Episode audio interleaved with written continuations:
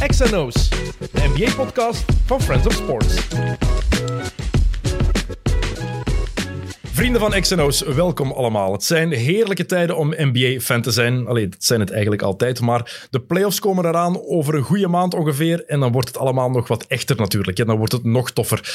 En ook gewoon ja, wat we elke nacht te zien krijgen. Het is eh, heerlijk de laatste maanden. Eh, zeker de laatste weken. Jamorant, Jason Tatum, Joel Embiid, KD afgelopen nacht nog tegen Philly bijvoorbeeld. Ehm, ik kan namen blijven opnoemen eigenlijk. Het is... eh, Leuk om de NBA te blijven volgen af en toe of gewoon heel veel. Ik ga voor die laatste optie. Mijn gast van vandaag die gaat niet meer voor die laatste optie. Die volgt de NBA net iets minder, maar heeft gelukkig een track record om jaloers op te zijn. Hij is eh, voormalig NBA-analyst, ehm, ex-bondscoach, ex-international en op dit moment sportief adviseur van Kangaroos Mechelen. En vooral goede vriend van het programma van mij, Tony van den Bos. Welkom. Ja, absoluut. Ja, welkom, eh, Dennis. Veel te lang geleden. Ja, absoluut. Ja. Maar ja, we hebben beide denk ik eh, ook niet zo heel veel tijd. Dus eh, we hebben dat wel eens geprobeerd, of gekocht eigenlijk, eh, voor een etentje. Dan gaan we weer een pin pakken.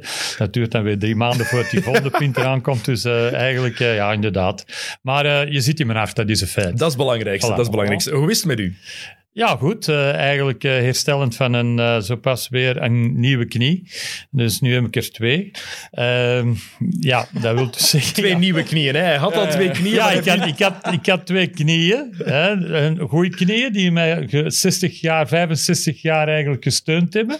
hè, want ik ben maar pas begonnen te lopen op mijn vier jaar. Ik word nu 69. En uiteindelijk waren ze aan vervanging toe. Dus nu kan ik volgens, eh, ja, medisch gezien, kan ik nu nog eh, 20 jaar voort. Medisch gezien. Medisch gezien. En ja. mentaal? Mentaal, dat weet ik niet. Ik, pff, ik hoop... eh, misschien gaan ze nog mee de Schelden in. Ja, want Tony van den Bos, Jokke Wouters is er ook bij we daar trouwens. Jokke, goedenavond, goeiedag, goedemiddag. Ehm, Tony van den Bos heeft altijd een heel duidelijke visie gehad over hoe lang hij zou leven. Ja, dat is eh, correct. En eh, Misschien moet je dat even En vertellen, hoe- Tony. hoe-? Wat is jouw visie over het leven? Hoe lang heb je nog zo gezegd? wel, ik denk dat ik nog eh, een jaar of... ja, van, weet je, kuifje lees je van 7 tot 77. dus ik hoop dat ik het laatste kuifje nog kan meemaken. Hè? Dus het, dat is een weekblad, hè? dat weet je toch. hè? Ja, ja, Dus, eh, ja, voilà. En eh, ja, tuurlijk. eh, en uiteindelijk was dat ook mijn voedingsstof vroeger, toen ik in jonge tijden. Ik heb gezegd, ja, 77, dat haal ik niet. Wel, ik hoop dat ik het wel haal. Hè. Maar dan ga ik de Schelden in. Gewoon. En, gewoon, kan gewoon de Schelden in. Ik heb alles is geregeld. En het probleem natuurlijk is, ik kan de mensen blijven lastigvallen, want om de zes uur kom ik terug voorbij. Hè. hoogwater, laagwater, hoogwater, laagwater. Dus ik kan er altijd wel ergens in de buurt zijn. Hè. Dus elke keer als we aan de kaaien zitten. Ja, dan het zit je een tan, een hè. Eh, wel even inpikken wat je net zei. Je bent pas beginnen lopen op je vier jaar. Nee, nee. Ik wou net zeggen, dat is toch dikke onzin. Nee, Ja, nee. je weet nooit, hè? misschien een laadbloeier. nee, nee, nee. De eerste keer dat ik van thuis ben gaan lopen, was iets later. Eh, ik zei het al daarjuist. Ehm, ja, je kijkt tegenwoordig minder NBA-basketbal. Ja. Wat is er gebeurd? Wel, het is zo, ik was een, dat is een, eh, min of meer een verzadiging ook. Eh, ik heb eigenlijk twintig jaar lang, dus eh, dag in dag uit, dat eigenlijk moeten opvolgen. Hè, als analist eigenlijk. En eh, ik voelde dat nooit aan als een verplichting, want op den duur zit je zo eigenlijk eh, ja, zo ver in dat je dat een automatisme is. Dat je s'nachts gaat kijken wat er eigenlijk aan de hand is en dat je dagdagelijks eh, alle programma's eh, nakijkt, dat je kranten leest en eh, ja... Uiteindelijk had dat ook een mooie prijs. Hè. Je kwam mee naar de finals. eh, eh, ja, het was goed verdienend ook. Eh, we moeten daar nu rond de pot draaien. En het was ook leuk. eh, ja, eerst eh, dan met eh, Erik Goens en dan met eh, Johan hè, en dan met jou. Maar mij lijkt het heel moeilijk om die knop af te zetten. Jokke, zie jij het ooit al gebeuren dat je Nee. ineens niet meer naar de NBA wil kijken? Nee, we hebben het er over het laatst nog gehad dat er van die momenten zijn dat het u minder Ja, interesseert dat kan gebeuren, inderdaad. Ja. in het seizoen. Maar het echt volledig Maar vooral de, co- de Oh. COVID heeft ook wel een rol gespeeld hoor. Dus eh, plots was mijn interesse daar wel wat weg. Eh, geen publiek in de zaal, die sfeer was er niet meer. Eh, ze gingen allemaal eh, ja, bij in Disney spelen. Mhm. Ja, ik had zoiets van, ja, dat is eigenlijk voor mij is dat de verkrachting van de natural born assholes in plaats van de NBA. Ja, dat, is ook snap de ik. uitdrukking, hè? Ja, maar langs, een andere kant was dat ook wel een beetje een houvast of zo tijdens die Ja, periode. er was, toch nog, er Ah, was ja. toch nog iets. Er was nog nog sport om iets. naar te kijken. Ja, Ja. maar dan zag je die honderdduizenden doden daar plots. En dan denk ik, ja, waarom moet dat nu weer? Ja, misschien de- afleiding, zoals Mhm. er nu ook weer een afleiding hoeft te zijn. COVID is weg en Oekraïne is daar. Tja, COVID is weg. Ja. ik nog, nog altijd niet helemaal, maar goed. Maar ik geloof het ook niet, maar de mondmaskers zijn er niet meer. Hè. Op dit moment niet. Ze kunnen nog altijd Voilà. terugkomen natuurlijk. Maar, ja. Ja. ik vind, maar kijk je zelfs niet meer naar de Warriors. Ik kijk, Helemaal eh, niks, ook niet. Wel, soms nog wel. Zo de fragmenten, de highlights, eh, die bekijk Ja. ik nog wel. Dat is ook eh, een team dat mij absoluut natuurlijk Ja, interesseert. daarom dat ik het vraag. je hebt altijd een zwak Ja, voor die ik- ploeg ik gehad. Bekijk het, eh, ik bekijk het wel. Hij is ook een Warriors Ah, fan, ja. daarom. daarom. Soms eh, ga, eh, ga ik wel eens terug in het verleden, in mijn tijdmachine. En dan zit ik eh, weer naar die foto's te kijken van toen eh, dat ik daar aanwezig was. Ja, met Stephen Curry, met Ron Adams, de, de, de defensive coach en zo. En dan, eh, ja, dan heb je toch zoiets van dat gevoel. Ik heb het allemaal wel meegemaakt. Hè? Tuurlijk, want dat is wel Ja. leuk voor jou natuurlijk. Jij kent Ron Adams van je tijd bij Oostende. Ja, eh, toen hij daar ook coach is geweest natuurlijk. En jullie zijn altijd contact blijven houden. Is dat Ja. nog altijd het geval? Ja, dat is ook nog het geval. Hij vroeg me nu over laatst nog, eh, omdat we een speler, die Nate Grimes, die in Kangaroos was, ondertussen ook al weg is, die komt van Fresno. En eh, Ron, dat is uh, Ronson University dus eigenlijk, waar hij dus eigenlijk eh, ja, dus gecoacht heeft. En hij is al, hij blijft altijd, ja, je, je kent het verhaal van Amerikanen, die behouden altijd wel die focus met hun universiteit ooit. En dan denk ik, eh, ja, Miron heeft dat ook en ik heb nu dat Miron ook. Dat is kei leuk. Ja, dat is waar. Je kunt ook het voorwoord lezen in het boek dus, van Ron. Ja, want eh Tony zijn boek ligt hier. Daar gaan we het straks nog even over hebben. Tussen wal en bal, wie dat nog niet heeft gekocht, eh, ga naar de boekwinkel, winkel, beter gezegd, of bestel het. Je kan het natuurlijk ook online bestellen. Als je het verhaal van Tony van den Bos helemaal eh, wil lezen, helemaal. No, no way dat heel jouw verhaal in dit Nee, boek dat past. klopt. hè. Echt. Dat klopt. Nee. Ik ken te veel verhalen van Tony Ja. van den Bos om te geloven dat alles hierin past. nee, dat is waar. Maar eh, ja, dat is een trilogie. Hè. Absoluut. The Lord of the Rings is er niks Nee, tegen. is er niks tegen. Ja. Eh, mis je dat eigenlijk niet, zo dat, dat fanatiek met de NBA bezig zijn? Of heb je gewoon te veel andere dingen te doen? Ik heb dat te veel andere dingen. Echt waar. Ik, eh, ik zit nu eigenlijk in een functie dus, eh, bij eh Kangaroos. Dat ik eigenlijk ja, heel veel met recruiting bezig ben. Ook naar het eerste team toe.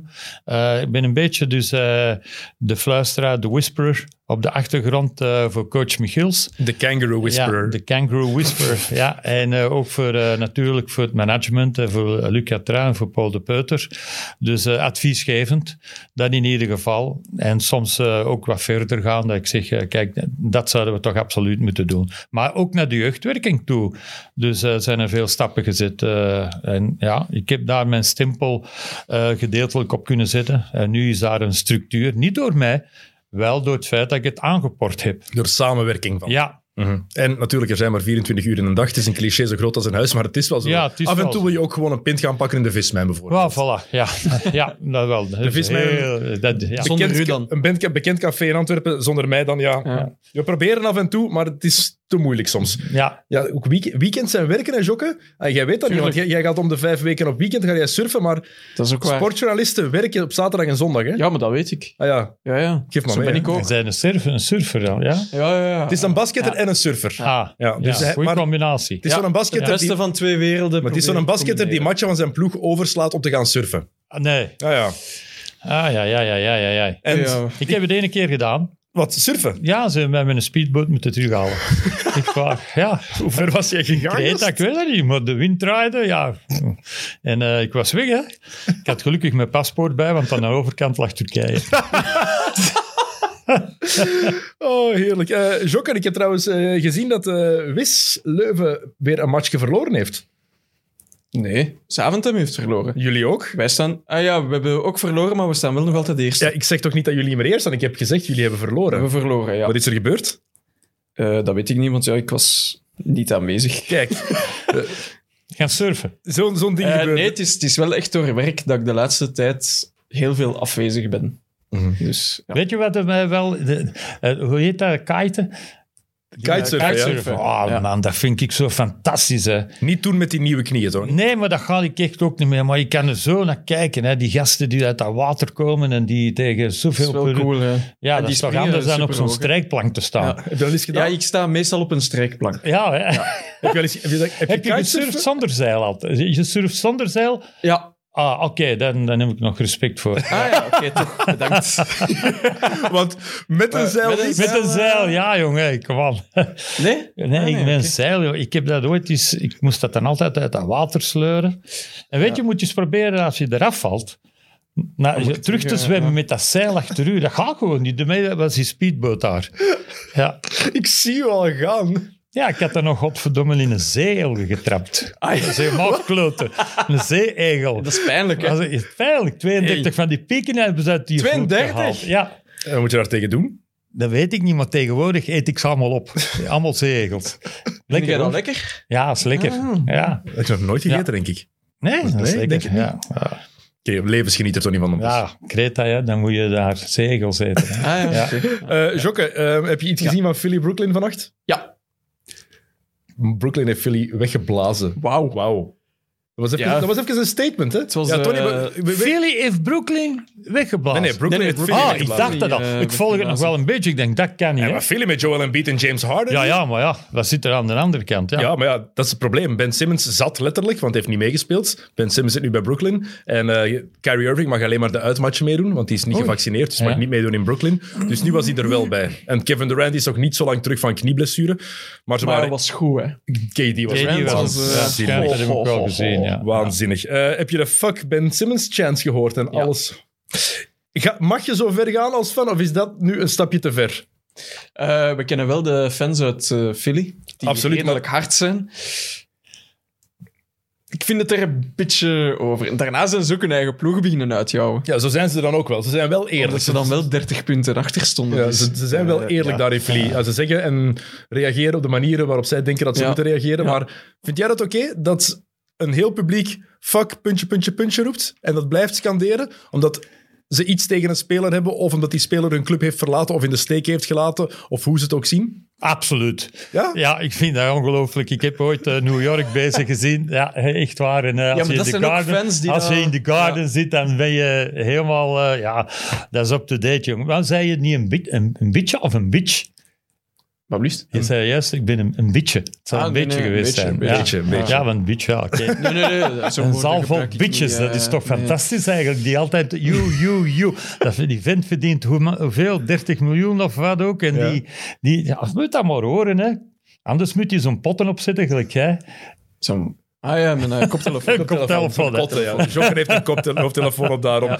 Ehm, dus als, eh, als jij ergens zou spelen, een zaal met 25.000 man, en iedereen zou roepen, fuck you, Tony. Dat zou...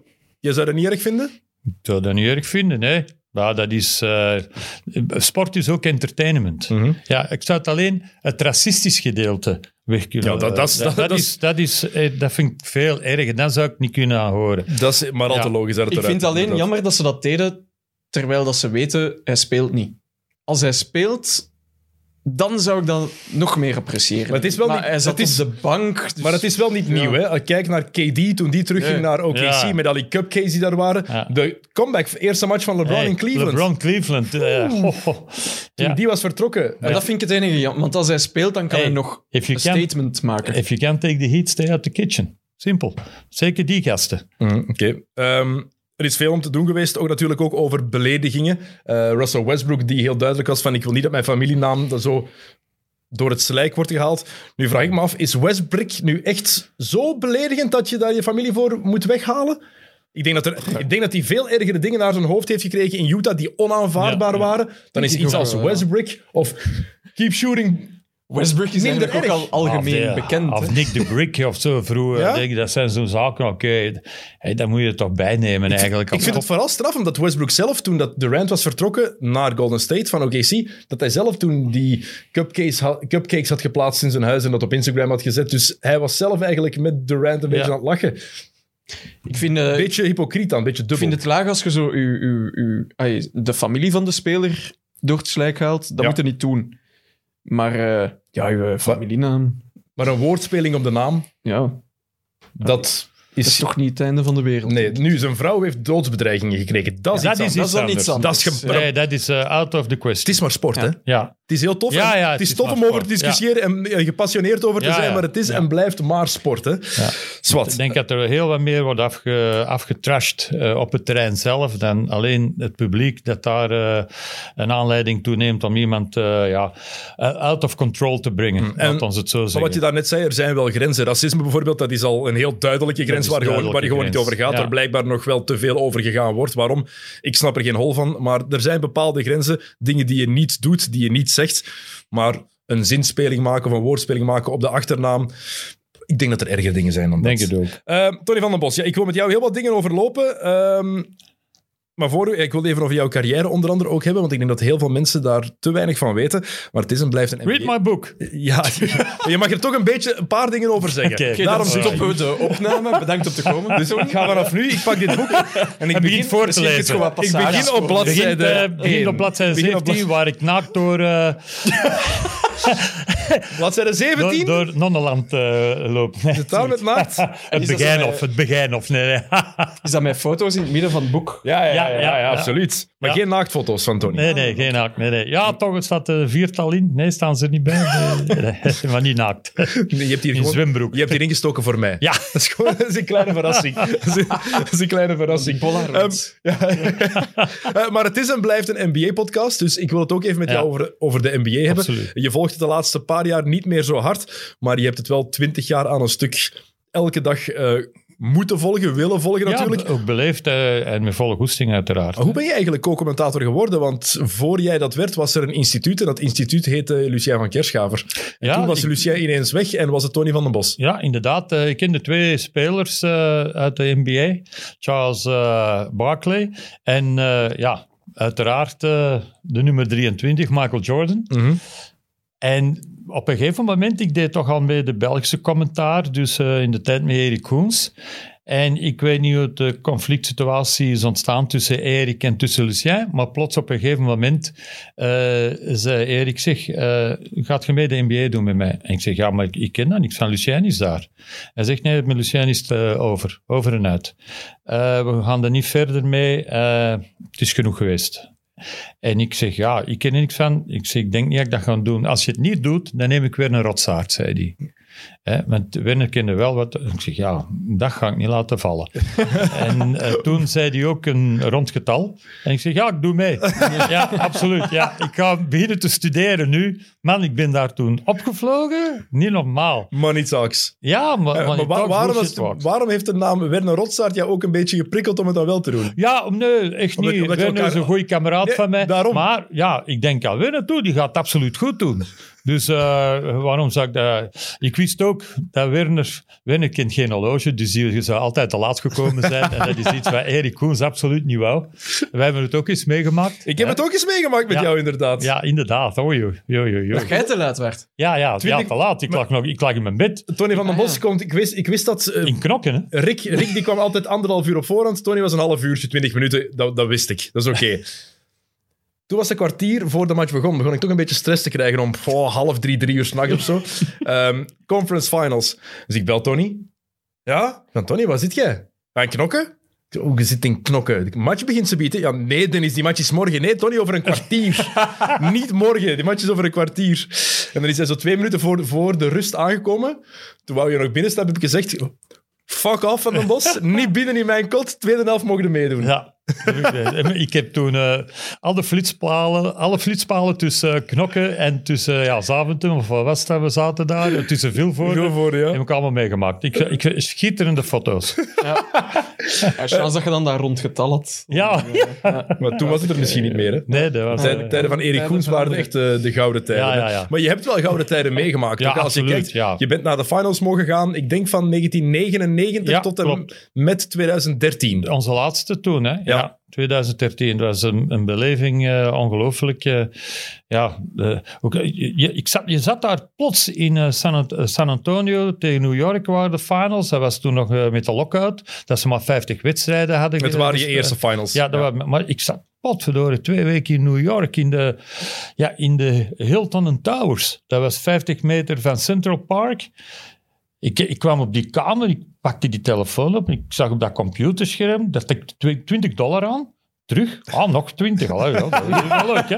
Ja, dus dat was ook de gouden tijd. Ik dacht toen dat er een budget was van 4 miljoen Belgische frank, toen nog, eh, om daar naartoe te gaan. Hè. We waren toen echt met een, eh, een, een kern, met eh, onze eigen cameramannen, Ja. dit een heleboel. De Waal waren er ook bij. Dus een fantastische beleving was dat eerste. Hè. Daar heb ik tenslotte ook... hoe heet hem daar? Eh, Die Hard, de acteur? Spike Lee. Nee, Ah, eh, ja. Bruce, Bruce Willis. Willis. Ontmoet Ah, in zijn- ik was gaan joggen met, eh, met Tom Boot. En ik, daar de boot zag ik en ik denk, "God, dat is een acteur, jong. Maar dat is zo'n klein ventje. Maar dat is toch een acteur, ja. En dan ben ik daarmee in gesprek geraakt. En ja, dat was Bruce Willis. Hij zat daar toen nog met, met zo'n koets, fatuur, met kleine in. En hij zegt, zien ze mijn films ook in, eh, in België? Ik zeg, ja, natuurlijk. En die van uw vrouw ook, G.I. Jane. Hè, dus eh, ja, toen was hij dan met dingen getrouwd. Demi Moore. Ja, Ja. Ik heb nu pas door dat je bedoelde die- de acteur van Die Hard in plaats van een Die Hard fan van de Knicks. Nee, Die Hard. Ah, oké. Ja, ja, heb- ik ja. heb ja, nu pas door, ja, ja. Ja, maar Spike Lee heb ik ook een verhaal mee. Hè. Dus eh, ik ging op een gegeven moment in New York op die stoel zitten van hem. Dat was eh, voordat de warming-up was. En ik zag die kleine naar mij komen. En hij zegt, je mag blijven zitten, maar dat gaat u wel 16.000 dollar kosten. Ik zeg, eh, geen probleem, ik ben al weg. Ja, dat was Spike Lee. Ja. dat is ongelooflijk. Oh, heerlijk, heerlijk. En dat is, meer heb je niet met Bruce Willis besproken? Gewoon Nee, je nee. films, je Nee. films zijn ook bij ons en dat is het. Dat was het. En eh, ze hebben eh, basketbal, dat we hier waren voor het basketbal en zo verder. Ja, oké. Maar wel lekker om mee te beginnen. Hè. Eerste finals ooit en je mag meteen naar Madison Square Garden en naar New York. Ongelooflijk. Maar wel een contrast ook. Ja, de ene, ene week zit je in New York, een paar matchen. En dan moet je naar San Antonio. Ja, maar eerst zaten we in San Antonio. Ja. En dan eh, New York. En dan terug eh, eh, in San Antonio. Nee, geëindigd, het is geëindigd Ah, in vijf matchen. ja, want New York is wel gaan winnen de eerste wedstrijd in San Antonio. Dat is mogelijk, dat weet, Ja. ik, weet ik zelfs niet meer Ja. van buiten. Het was gedaan in vijf matchen, weet ik, met het shot van Avery Johnson aan de baseline in Madison klopt. Square Garden. Ja, dat klopt. Ja. Ja. Wat weet je daar eigenlijk nog van, van die, die eerste finals? Of is dat allemaal wat vervaagd doorheen de jaren? Nee, dat was eh, wel heel leuk, want eh, toen was eh, Van Gundy nog coach, eh, Ja. dacht ik. Ja. En eh, ja, we werden toen, Erik Koens toen uitgenodigd ehm, eh, daar op de NBA Entertainment. Ja. En daar kwamen daar ook die kerels tegen. Voor mij was het ook zo eh, dat ik de eerste persconferenties eh, kon meemaken en ook eh, de trainingen kon opvolgen. Allee, de, de pers, eh, de media. Ja, ja, eh, het eerste kwartiertje de eerste voor een 20 training. minuten, dat was van, voor, voor mij fantastisch. Hè? En dan, eh, ik weet nog goed, Dudley, die was daar center, geloof ik. En ik, ik, ik stelde toen een vraag aan hem ook. En ik zeg, hoe komt het dat jij zo slecht vrijworpen shot? Hè, en die bekeek mij. Ik zeg, ja, als jij shot, die een bal ligt op de parking, bij manier van spreken. Die vent die draaide zich gewoon om en die liep gewoon weg van mij. En ik zeg, oei, ik, denk, ja. ik heb nooit nog iets gevraagd. In geen enkele final heb ik nog ooit iets gevraagd. Chris Dudley. Chris Dudley, ja. ja, Die, had, die had zo'n schouders, hè? Dat, is dat was ongelooflijk. schouders en Die gooide een ballen meten naast het bord. Hè. De deuren van de, van, de, van de Garden moesten dicht zijn of je lag op Fifth Avenue. Dus eh, Vooral bekend nu om die monsterdunk die Shaquille O'Neal ooit over hem gedaan heeft. Waar hij zo Ja. kwaad wordt en Ja, die bal ja, met de naar het hoofd poster van, op. eh, Ja, van. Shaq smijt. Ja. Eh, aan welke finals heb je nog allemaal herinneringen eigenlijk? Want als je erover nadenkt, je bent begonnen in die tussen New York en eh, San Antonio. Je bent naar die geweest met tussen Iverson en, eh, en de Lakers bijvoorbeeld. ja. Miami, je hebt Ja. de, de Big Three bij Miami, heb je twee titels zien winnen. ja, is, er de- zo, de- is er zo één finals die er voor jou nog bovenuit zit qua, qua herinnering? In Miami was het wel eh, met, weet hem daar, de tennisser. die zat daar echt voor Nowitzki. Allee, de- Federer, Nadal? Federer. nee, nee, nee, nee. nee, nee. Ah, Boris, Bo- Boris Becker. Boris? Becker, ja, pot. Nou, dat ik- Mijn geheugen laat me in de steek. Ja, die operatie met die knieën ik allemaal niet goed gedaan aan mijn ipses. Dus, maar eh, het is Boris Becker en wij zaten dus eigenlijk naast elkaar, gewoon eh, s morgens eh, met die training. Hij was daar ook aanwezig. En hij was goed bevriend met Nowitzki. En op een gegeven moment, eh, ja, zijn vriendin was een Nederlandse. En die, eh, niet, ik weet niet dat die van de kleerkast is, maar ja, oké. Hij is ooit betrapt geweest in een kleerkast. Ja, ja, inderdaad. Ja, in een bezemkast. En op een gegeven moment, eh ja, we begonnen een goed gesprek en dit. En hij nodigde me uit op een boot. Hij had een boot daar liggen. Hij leesde die en dan ben ik daar twee, drie keer naar de party, naar parties geweest. Ja, in Miami. En was het in, het, in 2006, het eerste jaar Miami tegen, Ja. tegen Dallas of het tweede keer? Want in Nee, 2011 de eerste, eerste, eerste. Hè? Dus eh, dat was eh, met Johan. Gemiste kans, ja. Want wij zijn, ik denk dat jij, jij bent drie keer naar de finals van Miami mogen gaan. Twee Denk- keer. ja, Nee, want we zijn Drie keer? Vier keer zelfs, denk ik. Want je hebt 2006 en dan 11, 12 en 13. En 13 was met mij. Ja, 13 was met u, maar ben ik zoveel in Miami? Ja, geweest? ja, dat weet ik absoluut. zelfs niet. Ja? Oh, potverdorie. Ja, ja, ik heb, eh, ja, ik- voor, voor mij was het maar één richting, hè, South Beach. Ja, Dat, weet ik nog. Wij zijn ook één keer samen. En wij hebben ook Veel plastic gezien. Dat is ook waar. Ja. Heel veel plastic Ja. gezien. Maar we hebben ook samen op het veld van, eh, van de Spurs gestaan. Ja, dat We klopt. hebben een uh, mediamatch gespeeld. En we moeten eerlijk Ja. zijn, Tony, we hebben iedereen afgemaakt. Ja, ja. Echt waar, we hebben echt ja. iedereen afgemaakt. Ongelooflijke screens dat je toen zitten. Hè? Oh, En, En we- en binnenknallen, Tony. Ja, een en- screen zetten. Hey. En tegen Lifty, hè? hoe weet hem dat? Jalen Rose. Ja, Jalen Rose. Ja. Dat was de eerste, Ah, finals, cool. ja, Ja. eerste finals die ik ooit mocht doen. En de commentatoren. 2013. speelden En dat was een media game. Ja, cool. En dan mochten commentatoren en journalisten die daar waren, mochten dan... Maar het- inter- international media, dus niet Amerikaanse media. Ah ja. Eh, en die mochten dan op het veld van de Spurs, echt in het AT&T Center, Ja. spelen tegen ehm, elkaar. En Jalen Rose en Bill Simmons kwamen toen ook meedoen. Cool. En ik weet nog, Bill Ja. Simmons, ja, ik lees zijn dingen heel graag. Ik had net de Book of Basketball juist. gelezen. Dat is de man eigenlijk die mij ook inspireert om zelf te beginnen met een podcast. Dat hij het al zo lang deed. En ik was er toen naartoe gegaan van, ja, Bill, big fan. Echt, ik ben nu dit artikel aan het lezen. En die wimpelde mij zo'n beetje af. Oeh, Oei. oei, Dat Bill. is, ik weet dat nog. Ik Ja, en dus toen dat speelden we tegen hen. En op een gegeven moment was die alleen weg. En toen we Jalen Rose aan het, lopen, aan, aan het roepen, come on Bill. Maar ja, fuck dat, man. Dus ik ben erachter gelopen. Chase down. keihard tegen het bord geplakt. Is een goeie, ik heb nog altijd een foto van dat je Ja, ziet dat dat, ik, dat Ja. ik die... eh, Net op het moment dat ik die ga, ga wegslaan. Ja, kom. Beetje vriendelijk zijn, hè? Daarna Ja, afgewimpeld. Nee, goeie- toen, ja. toen werd hij vriendelijk. Ah ja, oké. Toen begon hij vriendelijk te doen. Ja, want eh, achteraf eh, is, is er nog wel wat contact geweest, dacht ik. Hè? Dus, met, eh, ik heb met, met Jalen Rose de dagen daarna nog veel contact ja, met gehad. Jalen Rose. Ja, Bill Simmons, dat is zo gebleven. Maar Ja, een herinnering was ook nog Philly. Ik ben nog in Philly geweest toen ook. En ja, Kees Akkerboom die was daar ook, als voor de Nederlandse commentaar. En wij speelden toen die pick-up games op het dak eh, van het hotel. echt? Ja, op het dak van het hotel. Dat was fantastisch, ja. En ik speelde natuurlijk pick-and-roll en pick-and-pop met eh Kees Akkerboom. Niemand eh, dacht dat die grote slungel, dat die een, een, geweldig kanon had. Goed shot. hè. En ja, die, die vent die knalde toen op zijn eh, 55ste nog alles binnen. En dat was echt ook een beleving eigenlijk. Wel, ik heb wel aan die... Ik ben spijtig dat ik nooit in Chicago ben geweest. Ja. Hè? Dus ik heb het eigenlijk het, het Jordan-tijdperk gemist. Dus uh, Lucien heeft dat ook allemaal wel meegedaan. Hè, toen en Absoluut. met Erik, eh, dat was wel spijtig dat ik dat toen... Hij was toen eh, weg, hij zat toen bij... Bij Washington is hij, Bij hij Washington, hij is gestopt. Ja, Drie jaar en dan is hij ja, twee jaar die, teruggekomen. Ja. Dus, en, eh, maar cross your fingers, Washington nooit in finales, dat zou nooit niet gebeurd zijn. hè. Nee, daar vrees, daar vrees ik, vrees inderdaad, vrees ik inderdaad ook voor. Eh, de periode met eh, DJ, de DJ er was, hebben we ook eh, enorm veel anekdotes van. Dus er staat ook wat in een boek van. Eh, en dat die, eh, ja, met Jacques Stas toen was ook eh, langs de Waalse kant. En ik herinner mij nog altijd dat DJ toen een, eh, een truitje moest laten tekenen in de kleedkamer Mhm. eh, van, eh, van Kobe Bryant. En ja, wij, liepen gewoon met die credentials in die kleedkamer binnen en buiten.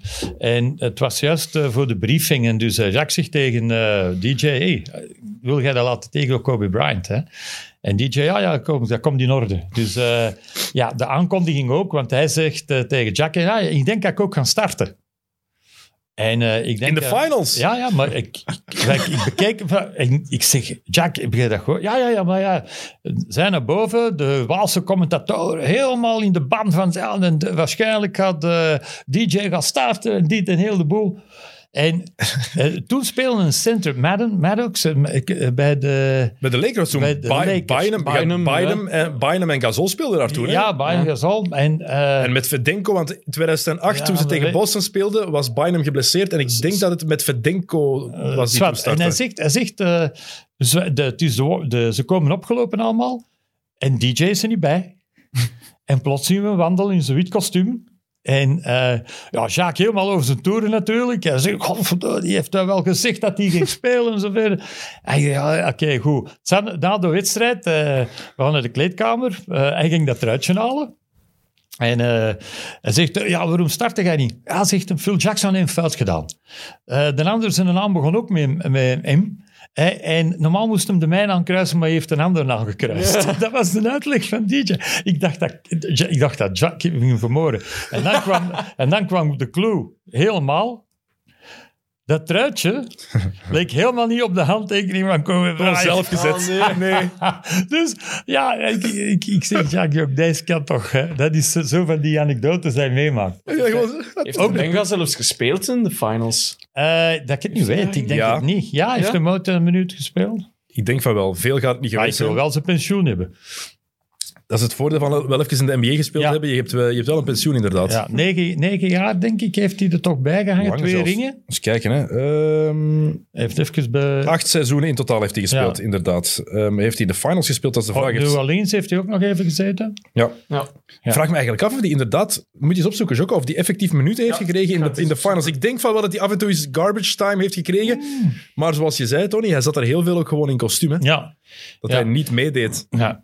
Ik had eh, eigenlijk eh, een goede relatie met die assistant coach. Die had ik de eerder al eh, ontmoet ehm, in een basketbalkamp in Los Angeles. Mhm. En die werkte wel heel hard met, met hem, met DJ. Het probleem was een playbook met 50 verschillende plays.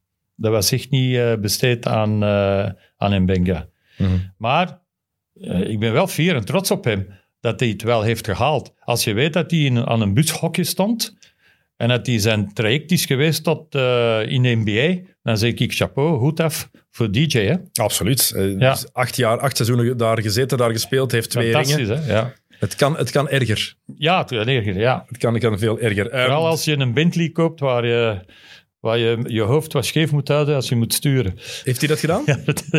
Wat? Ja, daar was schitterend. Ja, dat was ongelooflijk. Dat die reed- zelfs dat in een tijd eh, toen eh, Erik Struls een Porsche kocht eh, in Parijs. En die reed de garage uit en die is terug binnengereden op de Arc de Triomphe. En die heeft gezegd, ja, verkoop hem maar terug. Hij zegt, ja, waarom? De windshield kwam maar tot daar. Met DJ was het... eh, Eh, en Benga heeft in 2009 tegen Orlando in de finals heeft hem zo gemiddeld twee minuten gespeeld. Oké. gescoord. Ah. Orlando was ook wel een beleving, want dan stond eh, uiteindelijk het hotel, wij logeerden in Disney het hotel. En eh, op een gegeven moment, wat NBA Entertainment had dus eigenlijk het hele eh, park afgehuurd alleen voor de journalisten en voor de genodigden. Dat was een 600 mensen, maar dat zie je natuurlijk niet lopen in een park waar 35.000 man in een dag rondloopt. Dus ik ben daar 50 keer in die elevator geweest, ik ben 20 keer in zo'n spookhuis geweest. Op den duur kreeg ik schrik, want op een gegeven moment tegen, ja, ik loop hier helemaal alleen in dat park. dus het was van 8 uur tot 12 uur dat je het was afgehuurd hè, door de NBA. Dus je bent meer bezig geweest eigenlijk met De in die, sidekicks. in die attracties in zitten. de sidekicks. dat je bezighouden Ja. met de finals dat jaar. Koens verplichtte mij wel naar de persconferenties te gaan. Maar dat was al met Johan, hè, Orlando. Ja, Orlando Dat was was al al... met- maar de- daarvoor, met, met Erik, die verplichtte mij naar de dingen te gaan. Wat verdorie, hij moest altijd die laatste bus nemen. Dus Erik was streng Dus Erik was streng, Johan- Johan was gematigd. en ik was gewoon te nieuw. Want ik ben maar Ja, één keer met jou naar de finals gegaan. Dus ik, juist. ik, dus ik dacht van, ik zal hem maar zijn ding laten doen. Ja, absoluut. Het was leuk, was wel, we, hebben, we hebben finals gehad van zeven matchen. We zijn vanaf match drie daar ter plaatse gegaan. ja, En we hebben denk ik twee weken samen in de States gezeten. was een goede bonding. was fantastisch, Dat was, hè? eh, Ja, was, echt was waar, niet slecht. Ja, en dat was dan met het shot van Ray Allen. Ja jong, dat zongen wij allemaal recht. Jong. Dat was Shot niet van Ray normaal. Allen. De legendarische woorden van Tony van den Bos na het shot van Ray Allen. Ik koop ze biedt al die truikjes van Ray Allen.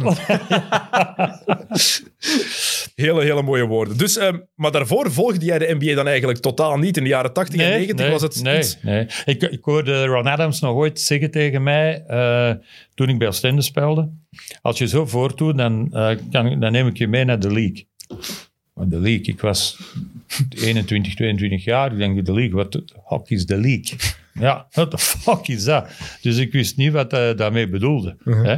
Hij wou me ook nog even eh, mee naar de, de universiteit Naar Fresno. nemen en Fresno nemen. En ik dacht bij mezelf, ik, eh, ja, mijn enige diploma is een zwembrevet van 50 meter. Dus ik denk dat ik daar niet ga slaan.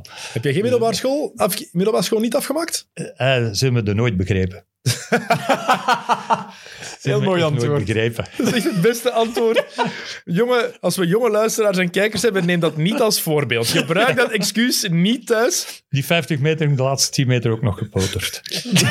Maar eigenlijk, stel je voor dat je thuis komt met een slecht rapport. Ik had dat niet moeten doen, denk ik, thuis tegen mijn pa vroeger. Ze van, ja, Lucas, ze hebben mij gewoon niet, nooit begrepen. Luc Catra, die vroeg eh, wat mijn kwalificaties buiten het basketbal was, een heleboel. En de, de- die diploma's zag je. Want ik heb toch vier jaar lesgegeven op de topsportschool ook. En daar moest je toch wel een diploma voor hebben eigenlijk, een pedagogisch diploma. Ja. Hè, dus eh, door het feit dat ik bondscoach was, kon ik dat wel doen. Dat was een uitzondering. Tony Soeverein had daarvoor gezorgd en eh, dat werd aanvaard. Ik heb er wel vier jaar lesgegeven. Dus aan jongens zoals Senne Geukens, Domien Loubry en zo verder. Eh, ja, dat ik op een gegeven moment eh, in dat klaslokaal zat, want er kwam ook een, een gedeelte theorie bij, met mijn voeten op, die, op, die, op, die, op dat bureel. Dat, ik zie Frans van de Wijngaard nog altijd eh, zo opwiepen aan die venster en teken doen van die voeten eraf, voeten eraf. zo, die Frans van de Wijngaard. En ik dacht zelf, ja. En toen, ik, ik, was, ik wou iets op bord en ik zeg, verdomme, is dat nu D of DT? en ik zeg, Loubry aan boord. ja. Dat is een truc dan, hè. Ja, dat was een truc. En ik dicteerde, hij schreef dat dan. Ik hoorde de geukens lopen van achter die de zaal. Hé, is wel DT, hè? Zo van die dingen. dat waren zo van die epische momenten eigenlijk. Hè, dat je zegt, ja.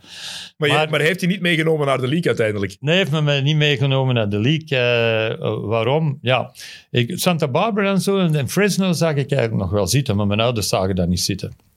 Dus eh, oké, goed. eh einde verhaal. Eh, Rick, heeft, Rick Samay heeft ook zo'n verhaal met Ja. Charlotte Hornets hè, in de tijd. de- dat die coach hem ook wel meenemen.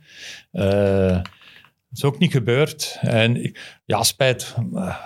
ja, spijt moet je, hoef je niet te hebben. Een, een carrière is een carrière. Dat Heb je je nooit afgevraagd wat je daar had kunnen betekenen? ik weet het niet, nee. Ja, Je- ik heb me wel, wel afgevraagd, ja. Ik zat eigenlijk, ik was een, een grote point guard. Ik was een meter 95, ik speelde op de point guard. In België was dat dus eigenlijk, ja, er waren centers van een meter 92. Maar niet alleen in België, Tony. Als je daarover nadenkt, een pointguard van een meter 95 in de, Ja. jaren, in de jaren 70 en 80 was dat iets... jaren 80 Ja. is dat normaler geworden, maar zeker in de jaren 70 was dat... Enkel de Spanjaarden die speelden met kleine hè? guards, ja. Maar eh, ik speelde tegen Maserati, die was toch ook een meter eh, 93. Eh, met de nationale ploeg heb ik wel mijn stempel toen kunnen drukken. Eh, met te zeggen, kijk, voilà, in, eh, ja, ik had zoiets van, er zijn klassiekers en kermiskoersen. Nationale ploeg was voor mij altijd een klassieker. Daar moest ik me tonen, dat was ook, dat heb ik me ook getoond. Eh, zodanig, ik werd ook in Turkije en in Israël uitgenodigd om gesprekken te komen doen. Eh, maar ik, ik heb nooit de stap durven zetten. En dat vind ik eigenlijk wel spijtig. Ja, want voor de, zeker voor de jonge luisteraars die de naam Tony van den Bos misschien wel kennen, maar niet weten van oké, die mens heeft effectief nog gebasket. Beschrijf jezelf eens als speler. Wel, ik was een point guard. Ik was eh, meter 95, linkshandig. Ehm, ik had een, eh, een heel goede opleiding gehad van mijn mentor, eh, Jos Hendricks, die ook in het boek voorkomt. En ehm, ja, ik kwam uit een stal dus van, ik noem dat een stal, dus de eerste jaren ontspanning en Zazico. Dat was het, eh, het basketbal toen in Antwerpen, dat werd gepredikt. eh, run and gun, lopen, scoren en lef. Ik had ook lef. En Ron Adams heeft mij ook gevormd als een vrij defensieve point guard. Die, eh, dat je eigenlijk, ik kon ook wel wedstrijden doen kantelen. En ik had dus een heel goed overzicht. ik was een pas first, shoot second guard. Maar wel met een goed shot. Wel met een goed shot. Ja, als er op aankwam, dan deed ik het wel. En meestal kreeg ik dan ook eh, de tegenstander, de betere tegenstander, de beste speler als tegenstander tegenover mij. Oké, mooi. Mooie point guards, mooie grote point guards doet mij altijd denken ook aan Magic Johnson natuurlijk. Hè? Ja, absoluut. Hè, ja. Maar die heb je dan nooit zien spelen tot achteraf dat je beelden hebt ja, opgevraagd. tuurlijk. Dat ik beeld en dacht ik, ja, dat is... Maar in de jaren 80 zelf heb jij nooit gekeken naar, naar Magic. Nee, nee. Wat er wel kans? doorcijpelde was, eh, waren wel bepaalde andere spelers. Hè. Ook Larry Burton, zo, eh, ja, dat was... Eigenlijk wa- kwamen wel beelden door hè, op den duur. Hè. Er waren ook cassettes in de tijd. Eh, dat wel, maar en ik was een geweldige fan van eh, Pistol Pete Maravich. Dat vond ik eigenlijk de crème de crème kwestie van balhandling, eh, rechts kijken, links passen. Ja, Er dus, zijn heerlijke beelden ook van, van Maravich die een, die, die een clinic eigenlijk uitvoert, gegeven door Red Auerbach. ah ja, ja. Dat Ja, hij bepaalde, bepaalde, passing, Juist. bepaalde passing Ja. drills laat zien. En waarin Auerbach ook zegt thuis van... Zegt mensen thuis, probeer dit niet. Want niemand kan dit. Het is Nee. Zo'n Nee. unieke speler Ja. die jammer genoeg te weinig heeft Ja. bereikt als prof. En die ook veel te vroeg is overleden. Is Ja, overleden op absoluut. zijn veertigste. Ja, nou, er zijn zo van die type spelers. Hè. Je NBA gaat, je Kobe Bryant en je geeft, of, eh, zelfs voor Kobe Bryant, hè, eh, Jason Williams bijvoorbeeld, die gaf een pas over het ganse terrein, een bounce pas over het ganse terrein. Dan zeg ik tegen spelers bij mij, probeer dat niet. Dat heb je of dat heb je niet. Hè? Er zijn ook coaches die kijken naar systemen. Je vindt geen enkel systeem terug in de NBA. Je, je ziet wel opties, maar geen echt systeem.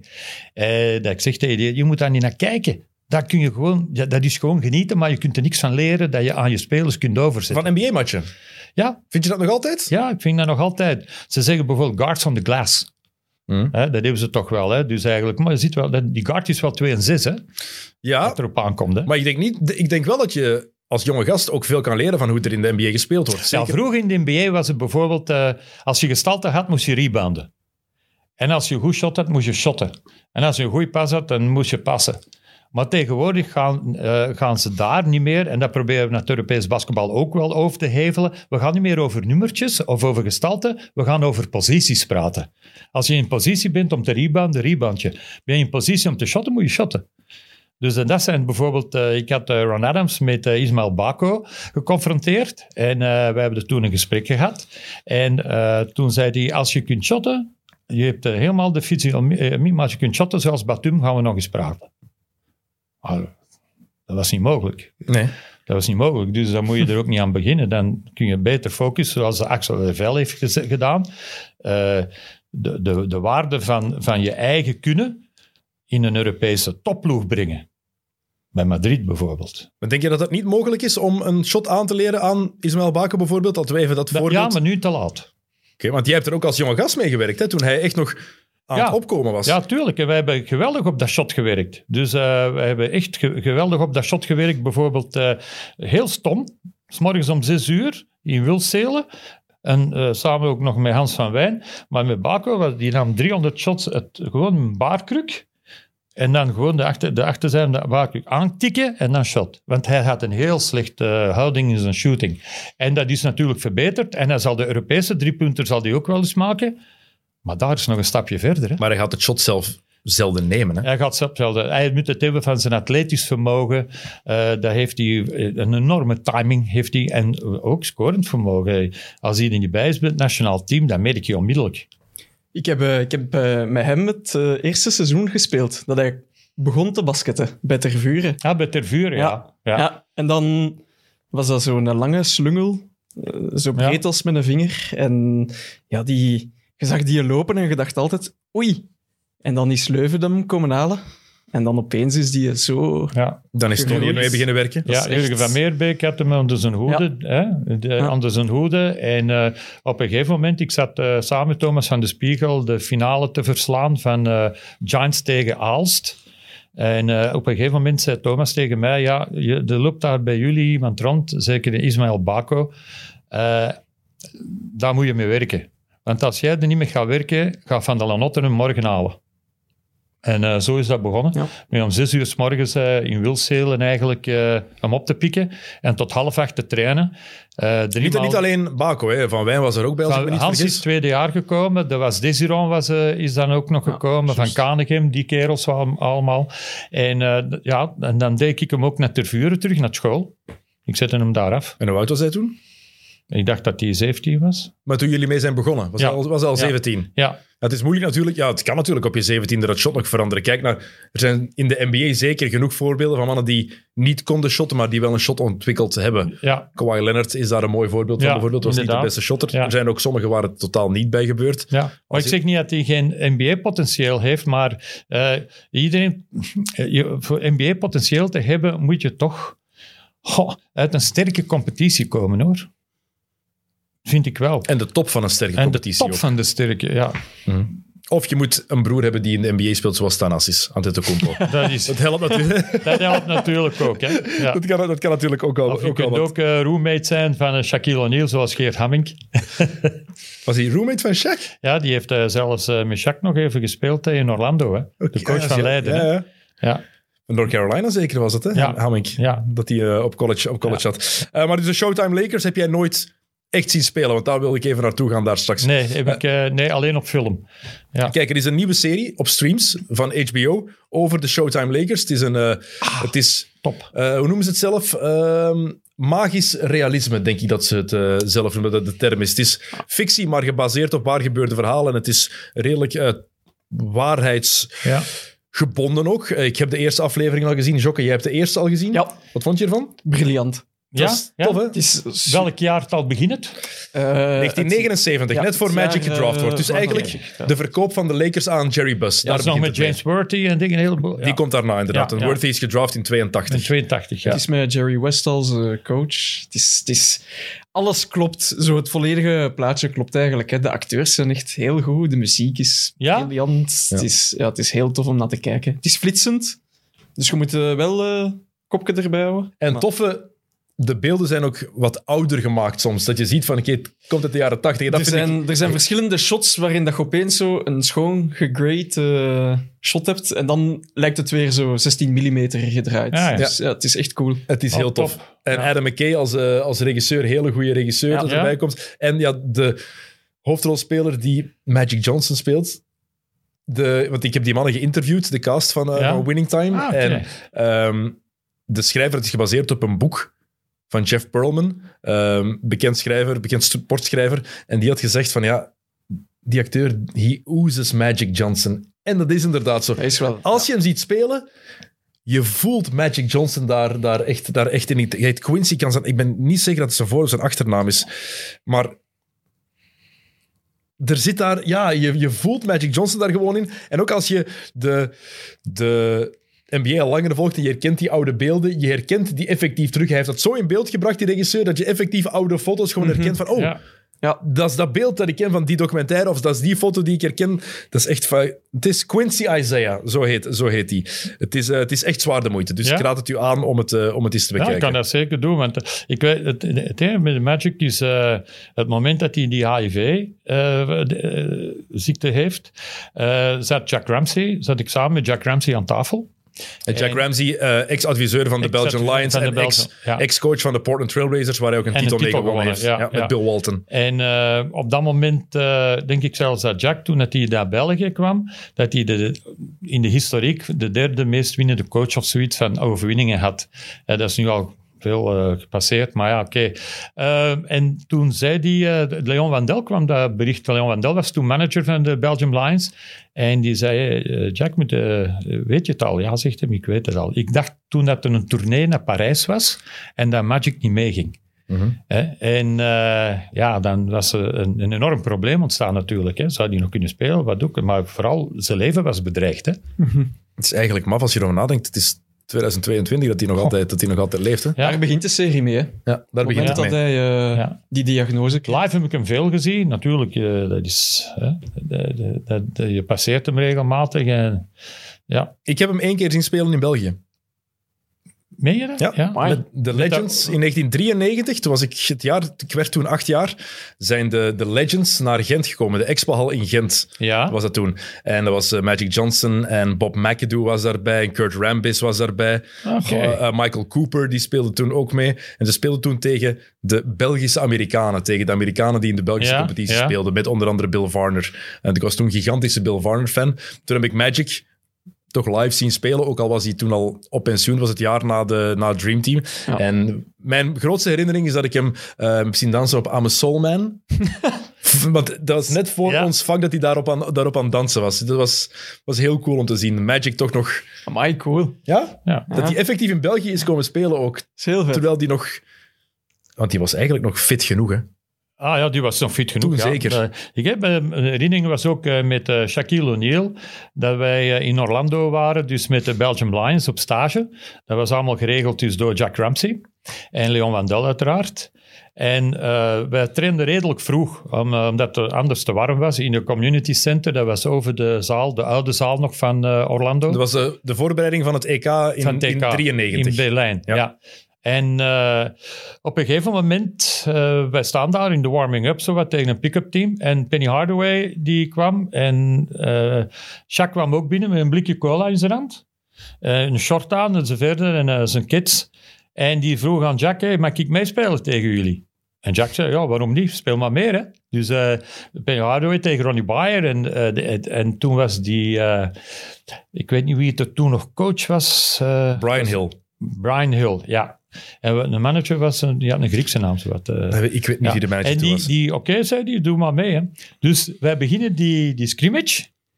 En Daniel Goethals, die, Shaq die komt onder de ringen, die wil zo'n layup doen. En Daniel Goethals die blokt die af. En zo komt Daniel Goethals. Sorry, sorry, sorry.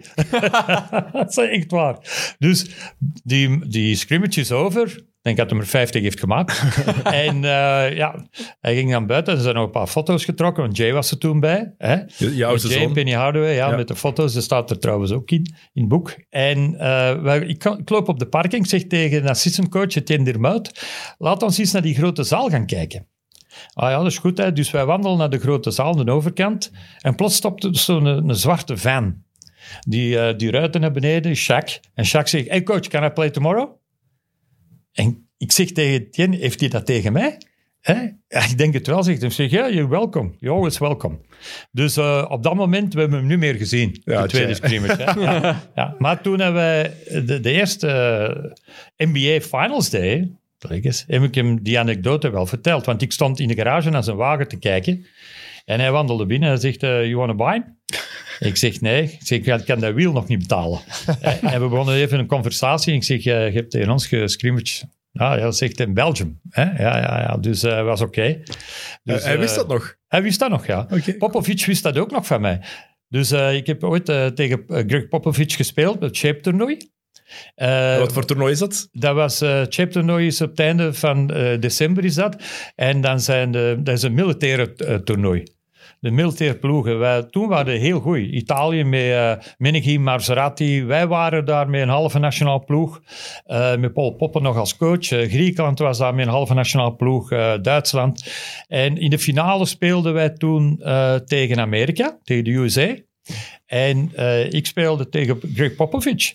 En toen uh, ik uh, bij hem was, en, uh, want Jos Hendrik zei, die had mij erop attent gemaakt, hè, dat dat Greg Popovich was.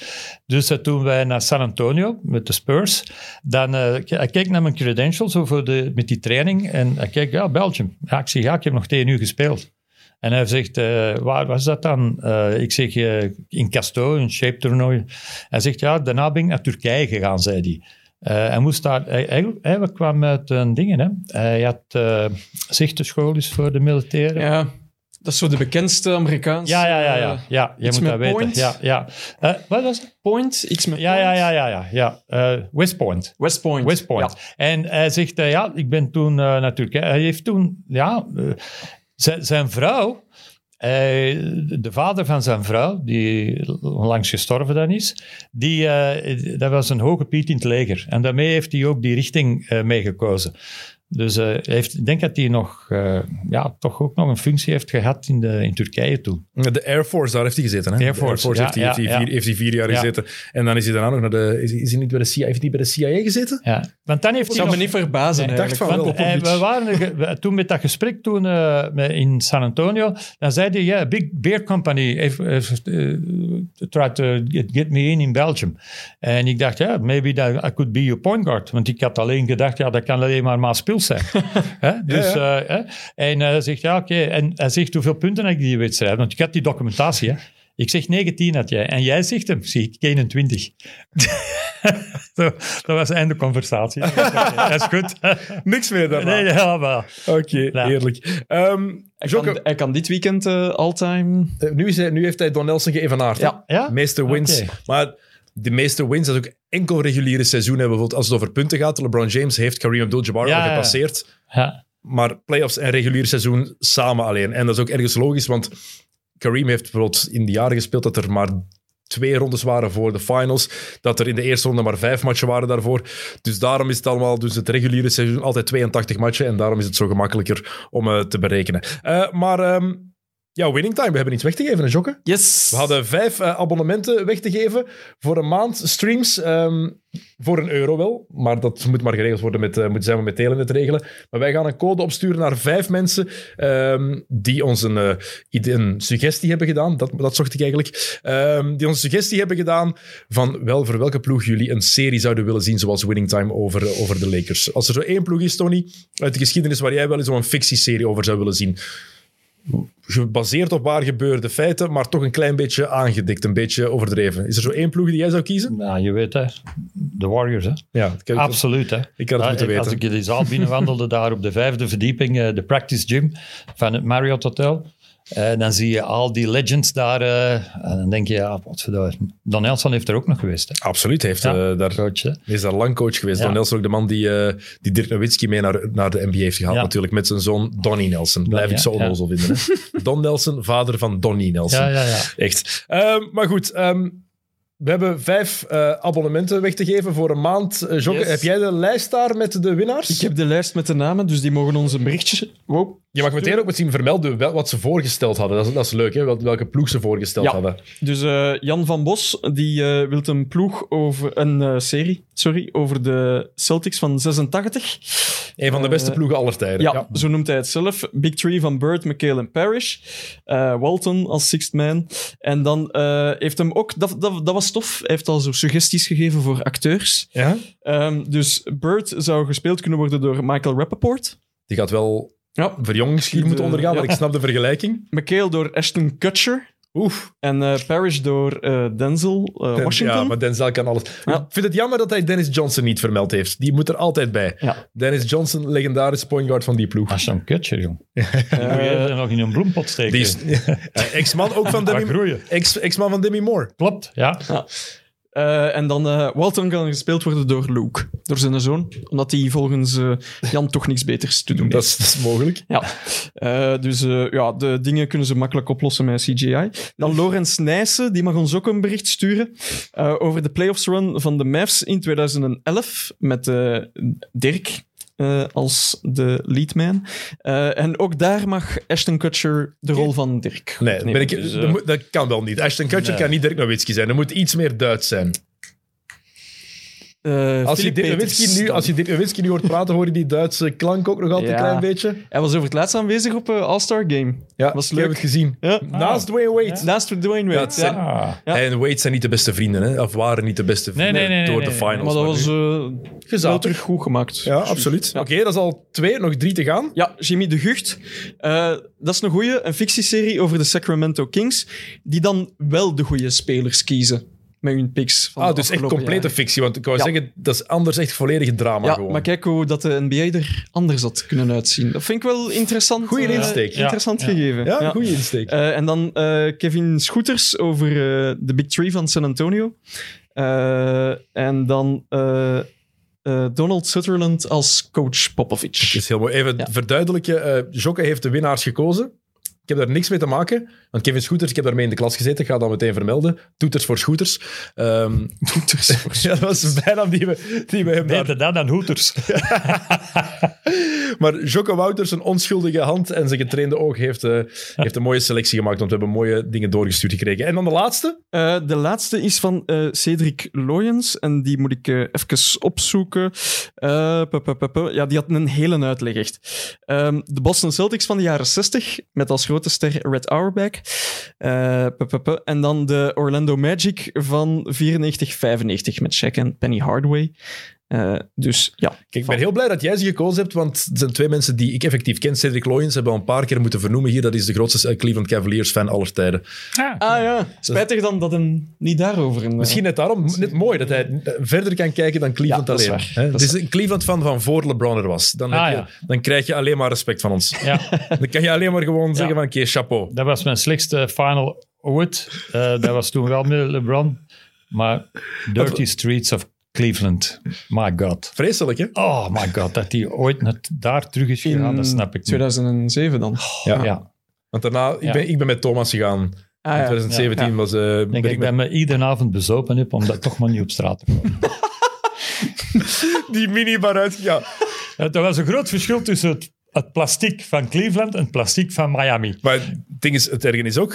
Dat was een finals tussen San Antonio en Cleveland. Ja, Qua opties om iets te gaan doen... De Riverwalk is er in San Antonio, dat is het. dat is fantastisch. Hè? Maar dat is alleen maar dat, hè? Ja, dat is alleen maar dat. Dan is er ook niks. Hè? Alleen Allee. een shoppingcenter over het hotel, dat is alles. Hè? Maar dat, dat, Ah, er zijn geen cafés. Ja, maar ergens Ja. wel, jawel, maar San Antonio is dan nu kun ook jij niet- dingen, hè? weet dat, dat, dat monument dat daar staat. Daar, alleen de Alamo. voorgevel staat er nog. De Alamo. De Alamo, ja. Waar ze David Crockett hebben afgemaakt. Ah ja, super. ja, kijk, iedere dag ben ik naartoe geweest. Eh, maar dus de winnaars, de vijf namen die... eh, de vijf mensen die net hun naam hebben gehoord, eh, neem contact met ons op. Stuur ons een eh, DM, een privéberichtje en dan eh, bezorgen wij u de code, zodat u kan kijken naar eh, Winning Time. Ehm, Yes. Voor eind april moet je die code wel gebruiken. Nu wel belangrijk om bij te zeggen, er komt elke week pas een nieuwe aflevering. Dus denk goed na over wanneer je die code gebruikt. Ik heb gezien, de laatste aflevering wordt ergens begin mei uitgezonden. Nou, crap. Dus eh, ja, Ah ja, dus als je dan natuurlijk dat we- een- de voorlaatste week van april gebruiken, dan kunnen ze zeker alles ook zien dan. met eh, het abonnement. Oké, neem contact met ons op. En eh, als de we tegen volgende week, over twee weken, niks van die vijf gehoord hebben, dan gaat het naar de volgende op de lijst. Want we hebben een mooie lijst. Ja. Jokke heeft een mooie lijst opgemaakt, want we hebben heel wat goede reacties gekregen. En straks gaan we ook nog de winnaars van de sneakers weggeven van de Greek Freaks 3. Maar dat is voor... Nee, de Nike Freaks heet dat gewoon. De- heet helemaal niet de Greek Freaks. De Nike Freaks 3, denk de je dat het zo heet. Freaks Uno's. Zoek het op. Jokke? Eh, ja. Kom, Ja, je, je hebt daar een, ik heb ook een laptop, maar ik mag die minder gebruiken van de baas hier. Oei. Ja, ja. Ja. Eh, Tony, los van de NBA. ehm, want je hebt jezelf beschreven als basketter. Maar wat jij vooral ook bent, dat heb je niet gezegd, is jij bent effectief een product van pleintjesbasketten. Ja, absoluut. Ja. Zo zijn er niet getogen. veel meer, hè? Ja, nee, er gebeurt niet veel meer. Er zijn wel heel veel basketbalpleintjes nog wel. Maar, eh, en ook om, die, eh, om de 500 meter is in Antwerpen een basketbalterrein. Maar dat is eigenlijk, eh, ja, je, je vindt het meer terug. Het is geëvolueerd naar een zaalsport. Vroeger was basketbal in mijn periode wel een buitensport. De eerste klasse was zelfs buiten toen. Ja, was buiten to- ook toen. Hè. Toen had die memorabele wedstrijd eh, Racing Mechelen tegen Antwerpse in het Sportpaleis. eh, dat was fenomenaal. Hè. De groentehal, waar Mechelen speelde toen, was ook fenomenaal. Ondanks dat het eh, de fruit en groente op de vloer lagen. hè, en dat het maar 13 graden was. Maar dat, dat, dat waren dus wel de Olympiahal, waar vroeger de Zillion de dancing is geweest. Hè. Dat was voor ons eh, fantastisch. Hè. De bakermat eigenlijk. Werd daar gebasket waar de Zillion is geweest? Ja, ja, ja, dat was de waar, Olympiahal. waar nu dat tankstation is. Ja, ja, ja, de, de, daar, ja daar eh, speelde Racing Fort, Antwerps in eerste klas.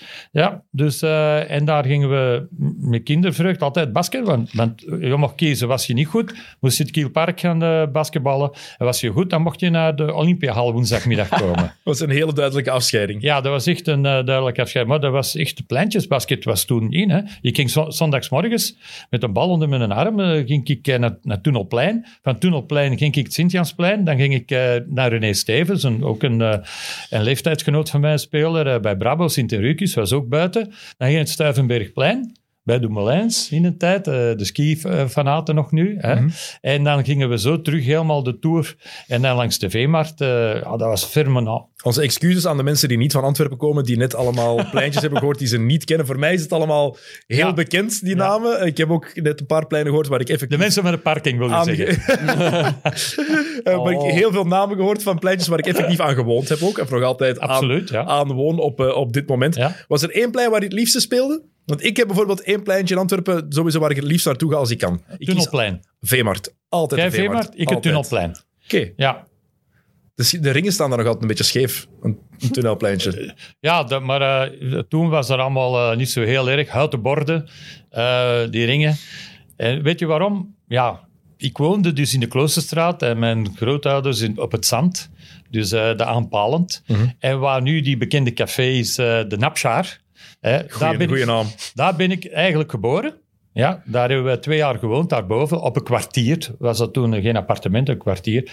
Ja, ik liep, ik, ik had zelfs, later had ik zelfs de sleutel van het licht van het tunnelplein. Och, Ik bleef tot 12 uur basketten en dan deed ik gewoon het licht uit. Er was zo'n kastje dat er aan de muur hing en deed ik gewoon het licht uit. ja, dus eh, ik, van s morgens tot s avonds. Hoe komt het dat jij die sleutel had? Was het, dat, was, dat was niet voor de stad om dat te doen? Nee, nee, dat was eh, in het eh, Café Toerist, dat dus het clublokaal van Tunnel was. eh, hadden ze die sleutel. Want dat de tunnel trainde s'avonds tussen eh, 8 en 10, want er werd s'avonds getraind hè, met de verlichting. Ja, dan zei die eh, vent tegen mij, ja, kom, eh, steek hem maar in de brievenbus als je het licht uit doet, want je gaat waarschijnlijk nog basketten. Ja, tot 12 uur in de zomer altijd. Kan je dat inbeelden, Jokke, dat er effectief trainingen zijn van eerste klassers In de giet, in de in regen. de hè. gietende regen buiten? Ja, eh, nee. ik onwaarschijnlijk, weet, Ik weet, met COVID hebben we ook een paar keer zo op de pleintjes buiten getraind. Omdat je niet meer... Wacht, er was een tijd een regel dat je niet met meer dan 15 of zo Dat was, een, zaal was, een tijd dat je, was het een tijd dat je je niet bewegend mocht verplaatsen? Of zoiets?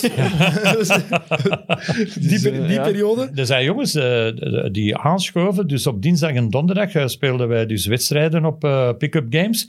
En er waren de nationale ploeg, eerste klasses. eh Stefaniers, Theo Hille, die waren er ook allemaal. En dan werd de vijf tegen vijf en de winnaars mochten blijven staan. En de verliezers die moesten eraf en dan kwamen er een ander vijf. Maar er zijn ook mensen die hun werk gewoon hebben laten staan, omdat ze anders niet op tijd om kwart over vijf dagen raakten. Dat die een ploegbaas zegt, ja, maar je moet maar om allemaal half zes thuis. Ja, laat die job maar, het is goed. Ik kan basketten. Is het echt? Ja, er stonden 25 mensen aan te schuiven. Dat is wel cool. Ja, dat was, Ook als toeschouwer moet dat toch... Ja, dat was cool, ja. Maar dat, want nu, ja, pleintjesbasket bestaat natuurlijk nog altijd. Ja, gaat altijd ja. blijven bestaan. Ehm, zeker in bepaalde steden leeft dat meer dan, dan in andere. In Brussel is het ook nog altijd echt wel, aan- Ja, echt wel absoluut, aanwezig. ja. Bestaat effectief nog wel. Er zijn genoeg steden die ik niet, waarschijnlijk niet aan denk waar ook genoeg gebasket wordt op pleintjes. Maar de evolutie die het doorgemaakt heeft, is wel heel opvallend. Hè? In jouw tijd waar je net over praat, en ook voor jij effectief meer en meer begon te basketten, ja, dat was het. Hè? Ja, Daar was het te doen. Ik herinner mij nog, eh, mijn ploegmaat eh, was eh, François van den Broek, die eigenlijk laatst nog met Frank Sinatra heeft nagezongen. Die heeft nog de finale gehaald van The Voice. Van de Voice Senior voor de, Senior? Voor de 80ste verjaardag. Ja, ja. Nee, voor ehm, toen ehm, Willy Steveniers de Lifetime Achievement heeft gekregen. De Ja, Belgian Basketball Klopt, Awards. ja. En daar, eh, ik was met, met Zwa gewoon op het terreintje, op, dat was toen op het Sint-Andriesplein. Hè? En toen kwam Guy van den Broek, een gerenommeerde basketbalcoach, eh, nationaal ploeg, zo verder. Weet ik heel goed, want ik heb nog vier jaar eh, met zijn dochter verkeerd. Je moet toch ergens in de nationale ploeg kunnen geraken. Hè? en eh, toen stopte hij de wagen en die zei tegen Zwa, Zwa, ga er mee, vanavond tegen de Globetrotters. Want ik ben een ploeg aan het zoeken. En Zwa zei, ja, dan kom ik af. Oké. We was in de arenahal tegen de Globetrotters. En Zwa van den Broek die speelde dat vies mee. Ik ben toen mee gaan kijken. Want ik mocht niet meedoen, maar ik mocht mee gaan kijken. Dat was toen nog met Camille Dirks. En die speelde effectief tegen de En Globetrotters. over welk jaar praten we ongeveer? Heb je daar een idee van? Welke periode? Twee, vijf, zes, 67, 68. Wauw. Ja, Wat stel je ja voor? gewoon een pleintje. Dat je hey, ga je mee? Ja, is goed. Wanneer? Om, wel- ja, om zeven uur in de kleedkamer. Oké, bye.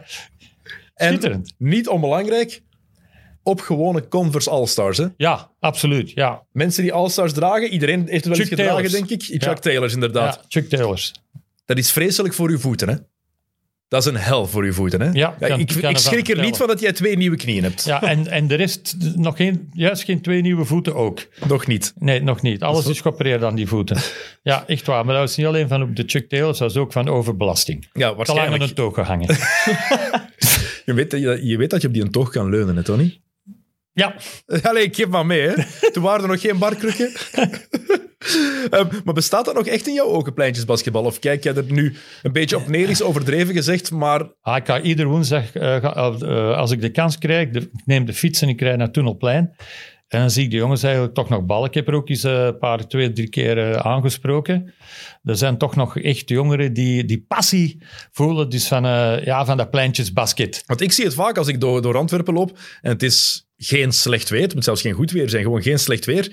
Ja, dan wordt er altijd Nee, wel ik heb gebasket. nu een, een, een petitie, eh, een petitie dus eh, voor Peter Wouters, eh, dus de verlichting te veranderen op Tunnelplein. Voor daar, zoals in de States, daar echt van die grote spots te zetten. In plaats van die domme verlichting die uit de nu hangt. Ik heb gepleit voor een andere vloer te leggen. Ze- Nu is het als het regent gewoon een zwemdok. En dat is met de meeste pleintjes zo.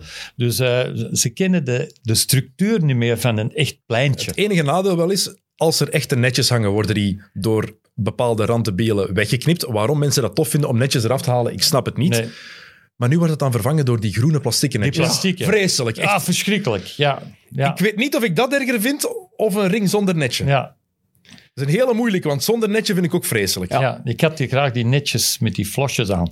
Die fastbreak netten Ja. van de Italianen. Ja, die bal die gingen los door, direct die inbounds aan en die tegenaanvallen. Maar alleen, dat maakt, het- dat maakt er niet dat mooi geluidje. Nee. Zo'n losse bal die goed swoosh. binnenvalt, die swoosh, Die dat, heeft toch, swoosh, ja. dat heeft toch net iets, Ja, dat is waar. iets ja. meer, hè? En dan die, die Spaldings, die oude Spaldings waar we mee speelden, daar stond dan al zo'n een- zo'n zo'n zo'n bol op, zo'n tit. Ja. Die botste naar alle kanten. Die bal, zo leerde je dribbelen. Weet je waar ik ook nog leren dribbelen heb? Met twee ballen, eh, eigenlijk op het, noord, het, het, eh, het zuiderterras. Ja. Dus waar die twee leeuwen die op de suikerui uitkomen, dat waren allemaal van die grote dals. Eh, van die echte kasseien. Geen dals, maar kasseien, kinderkoppen. Ja. Hè? Daar moest je naar boven dribbelen, dus met twee ballen. Ja, en als je dan ene miste op zo'n kassei, dan moest je die bal terug gaan halen op de suikerij. dus dat, dat waren echt... eh, ik, ik heb dat eens aan een paar jongens laten doen.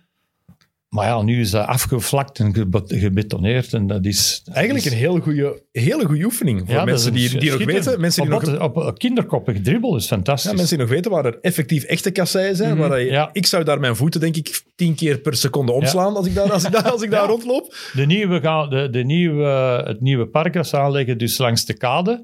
Dus daar zijn die, die hellingen, die met die echte ruwe... Ik heb deze morgen nog bekeken. Natuurlijk, als je daar de bal naar beneden botst, moet je gaan zwemmen. Want dan ligt hij in het scheld. Dat is iets minder. ja, Maar ooit kan je die bal dan terugblazen, Tony. Voilà. Eh, maar waar is het dan echt voor jou begonnen? Want je, je kan op een pleintje buiten basketten, Ja, maar dat is toch altijd Ja. niet echt in, in clubverband vaak, hè? Nee, ik, eh, eerst eh, was de provinciaal selectie dat ik via mijn club Ontspanning en achteraf dan Zazico dat ik bij de provinciaal selectie Want geraakte. jouw eerste club heette Ontspanning. Ontspanning, ja, dat was op het. Sint-Andriespleintje. Wat een ja, naam. Ja, ongelooflijk. Je had fellows, je had Ontspanning, Zazico. Fellows was Ekeren zeker. Is is Ekeren nee, geworden daarna. nee, was Sint-Jansplein. Oké, Ja, wauw. dus, eh, en dan eh, ook eh, Deurne was daar. En, maar uiteindelijk, het eerste was de provinciale selectie met Louis Hagemans. Over laatst is hij eh, 95 geworden. En dan, daarna is het eigenlijk snel gegaan, want ik had ja, eh, via mijn coach, eh, mijn mentor, eh Jos Hendricks, eh, toch veel trainen. Aparte trainingen altijd, individueel workouts. En ja, natuurlijk, dan ga je vooruit. En ik raakte zo op mijn 17 in het eerste team van Zazico. In En Zazico- Derde, af- derde afdeling. Even uitleggen, de mensen die niet weten wat Zazico is, dat is ook de ploeg waar Willy Steveniers gespeeld Ja, heeft. ja, en klopt. waarom heet dat Zazico? Zaksraad, Zirkstraat, Koepoortstraat. Dat is toch het allerbeste? Ja. Dat is toch het, Jokke, dat is toch het allerbeste? Zakstraat, Zirkstraat, En de, de Koepoortstraat. fantastische sfeer dat ze daar hadden met al die prostituees daar. Dat waren de, de fantastische supporters. Het is, de- het is voor de mensen die niet wezen, bij zijn, die, die Antwerpen niet de helemaal kennen. Het is, Het aan- is in de Hoerenbuurt, ja. daar zijn die straten. Ik woonde eigenlijk in de parochie van Museri, dat was het Sint-Andries. En dan ging je naar het havenkwartier, dat was eigenlijk, dus eigenlijk de veemarkt. Hè? Dus ik ging wel rond op de veemarkt, omdat ik, eh, ja, mijn, latere vrienden, en ook Sasuko natuurlijk, maar ik heb echt nooit niet echt gespeeld met Sasuko op de veemarkt. Wij zijn eh, op het Sint, met de fusie Ontspanning Sasuko zijn we eerst gaan spelen op eh, het Sint-Andries en dan naar de Olympiahal verhuisd. Oké, wauw. Ja, en dan ben ik in de na- nationaal eh, militaire ploeg geraakt met Paul Poppen. Ja. Eh, ik, juist daarvoor in de nationaal juniorsploeg, die nog een EK heeft gespeeld in Saloniki, onder toezicht van Leon Wandel nog. Een jonge Leon Wandel. Ehm, daar zat dan ook eh, Jos Peters, eh eh, Werner Rotsaert, al ja, gekende namen. En ja, dat werd dan ook de halve militaire ploeg waar ik dan met Popovic dat heb meegemaakt. En dan werd ik onmiddellijk doorgesluist toen ik eh, naar de nationale ploeg. En mijn eerste toernooi was eh, TK-kwalificatie in Zombateli in Hongarije in 1972. Snel Eh, gegaan dan eigenlijk allemaal. Hè? In, hoeveel, in, in hoeveel, over hoeveel jaar spreken we dat je eigenlijk van... Ja, ik was Provinciale selectie- 19. Dat is heel snel gegaan. Ja, dat is heel snel gegaan bij mij, want ik, ik was in nationale ploeg ik in derde afdeling speelde. Dus eh, ja, en dan eh, heb ik een schitterend toernooi in Praag gespeeld. Ja, en dan, dan kwam Buslier eh, praten bij mij thuis en dan kwam Earl Goldfingers praten. En ja, mijn vader maakte dan... Ja, Earl Goldfingers was een zeer snelle beslissing. Eh Ik heb nog, daar nog nooit van gehoord. Earl Goldfingers, nooit van nooit. gehoord. Nee. Jokke? Dat was de eerste, dat was de tweede ploeg van eh, Racing Fort van de uh, huidige Antwerpen. Oké. De huidige Giants. Ja. Was dat toen in uh, Etienne Geerts en zo verder. En de tweede ploeg heette Earl Goldfingers. Ja. En één buitenlander, Fred Davies, was daarbij. En die beslissing was rap genomen thuis, hoor. De toenmalige Staf van den Berg, Earl, was een spaarkas. Die legde 150.000 frank op tafel in die tijd. Mijn vader zegt, je gaat maar bij Goldfinger spelen. en dan Kijk, de Van den Bos, die, de Van den Bos-familie houdt van ronde getallen. ja, voilà. En na twee seizoenen ben ik verhuisd naar Oostende, want Rudolf van Moerkerken had een oogje op mij laten vallen. En ben ik eh, vier jaar bij Oostende geweest, twee jaar onder Lucien van Keerschaver en dan eh, een jaar onder eh, Ron Adams en de rechter Pat Stewart, ja, die nog bondscoach is geweest van Oostenrijk. En dan ben ik eigenlijk met een dispuut um, ja, eh, naar Mechelen. Ik heb eigenlijk de titelrace van Oostende op een haar na gemist. Vertel, hoe heb je dat gedaan? Uh, ik was ingeburgerd in Oostende. Uh, ik, had een goede relatie met Rudolf van Moerkerke. En op een gegeven moment uh, waren de gesprekken bezig met Eddie Leenaerts en Danny Mebis. dat, ja, dat ging de goede richting uit, maar er kwam een onregelmatigheid met de contractbesprekingen van Danny Mebis, die een goede vriend was van mij. En ik heb toen tegen Rudolf van Moerkerke gezegd het contract was getekend, maar de mentor toen van Danny Meebescheur, het contract gewoon door Rudolf van Moerkerke zijn neus kapot. Dat was een mutatie van Oxaco in de tijd naar Oostende. En ik heb toen tegen uh, Rudolf van Moerkerke gezegd, ik vind dat Danny Meebus gelijk had en ik ga voor u niet meer spelen. Mooi, mooi. Ja, en uh, ik ben toen mee, samen met Danny Meebis naar uh, Maaspils Mechelen verhuisd, met Tony Zeno en, en, en uh, Murphy, Ed Murphy toen in de ploeg. En ja, de beslissende playoff-wedstrijd verloren wij toen in Oostende. Met Mechelen? Met Mechelen. Ja. Ouch. Ja, daar brak me zuur op. Ja, dat moet dus als, hebben. Ja, als speler heb ik nooit een titel behaald. Uh, dan niet. Wel een beker gewonnen. Uh, Doet dat pijn dat je nooit die titel hebt gewonnen? Vind je dat... Ja, ik vind dat wel pijnlijk. Wel als assistantcoach van Lucien, met Mechelen natuurlijk. Mhm. En ook wel eens in tweede klasse met BC Gent. Maar dat, was, uh, ja, dat zijn maar oplappertjes. Maar dat vond ik... dat was geen goede keuze van mij. voor, niet voor mezelf te kiezen. want uiteindelijk, ja, daar haal je echt geen prijzen mee. Nee, maar het zegt wel veel over jou als mens. Dat vind ik ook wel. Dat is op dat moment, was dat voor mij uh, ja, heel, uh, heel belangrijk. Vriendschap ja. boven ja. prestaties, boven... Ja, en vooral principes en ja. zo. Want ook belangrijk om te zeggen, je was geen prof toen, hè? Nee. Dat bestond Rudolf nog niet, van Moerkerke zei ooit uh, in zijn boek, hij heeft een boek geschreven, dat het feit dat ik mijn hart zoveel op mijn tong had liggen, dat dat de reden is dat ik nooit speler van het jaar ben geweest en nooit coach van het jaar. Omdat ik te veel van... Ja, ik, trok, uh, ik had toen met Hector Vermeers ook uh, die vakbond opgericht, spelersvakbond. Ja, dat viel ook al niet in goede aarde. maar uh, ja, ik ben altijd, laten we zeggen, een dwarsligger geweest, to the point op dat moment. Eigenlijk maf dat er in sport altijd moeilijk blijft als je, zo, je praat over een spelersvakbond oprichten dat dat effectief moeilijk was. Maar ja, dat hoor je in alle sporten. Hè. En, ook, in, en nog al... tegen de ego's. Hè. Ja, maar nog altijd. Okay, ja. Er is net een, net een, een staking, of ja, een, een soort lockout geweest in het baseball. Ja dat er oneenigheid waren tussen de eigenaars en de spelers. Dus je hoort dat zo vaak, de evolutie. Vanaf dat er bepaalde stappen gezet moeten worden in de sport, is dat blijkbaar soms extra moeilijk op dat vlak. Van, okay, de rechten van de spelers en ja. zij willen die We hebben wel kunnen. een decreet kunnen bewerkstelligen Het is gelukt uiteindelijk, maar niet gemakkelijk waarschijnlijk. niet gemakkelijk, nee. En het is eigenlijk maar pas met het Bosman-arrest dat eigenlijk uh, ja, de basketbal ook heeft van kunnen profiteren, toch de spelers. Absoluut, want er zijn heel veel spelers die bijvoorbeeld nooit uit tweede klasse zijn geraakt, omdat ze bij een ploeg onder contract lagen. Ja. En daardoor nooit zijn kunnen ja, doorgroeien. Ik moest eigenlijk twee seizoenen stil liggen, omdat ik naar, uh, naar een ander ploeg zou moeten gemuteerd worden. Dan moest je twee seizoenen stil liggen, hè, voordat je, je wegraakte. Maar waarom, als je erover nadenkt, gewoon puur rationeel over nadenkt, waarom zou je dan twee seizoenen niet mogen spelen?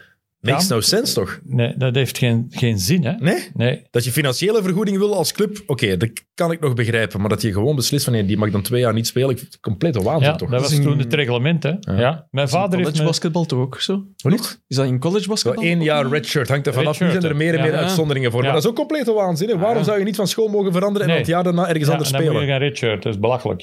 Ja begrijp ik echt heel weinig van. Um, maar ja, je was toen geen prof, maar hoe professioneel was het eigenlijk Ja, ik was wel, het, het was wel... Uh, op dat moment uh, werden er dus wel ochtendsessies uh, geregeld.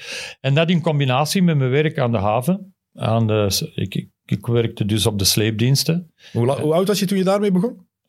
ik dacht dat ik... op mijn 24ste ben ik eigenlijk bij de stad Antwerpen begonnen. En ik heb, uh, om het zo maar te zeggen, altijd dankbare collega's gehad ook, die uh, alles door de vingers keken dat ik uh, wat vroeger wegging of wat later kwam. Um, dat herinner ik mij ook nog. Ja, van voilà. onze tijd wij commentaar gaven. ja, dat klopt. De, de, de, de, een van de beste zinnen van Tony van den Bos was altijd... Ik zit eigenlijk op een sleepboot, hè?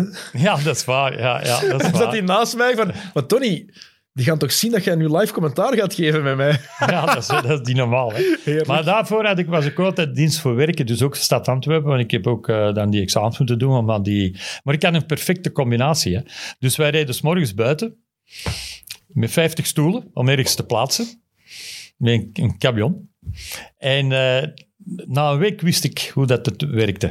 Dus eh, wat deden ze naar die 50 stoelen? Ze gingen het café in tot vier uur. En dan reden ze binnen, want die een baas zei, komt niet voor vier uur eh, binnen, want ik heb gewerkt meer voor jullie. Hè. Dus eh, na een week kende ik iedere kroeg in Antwerpen, maar ik denk, maar dat ga ik hier anders aan boord leggen. Hè. Dus ik gaf die gasten 100 frank in de tijd.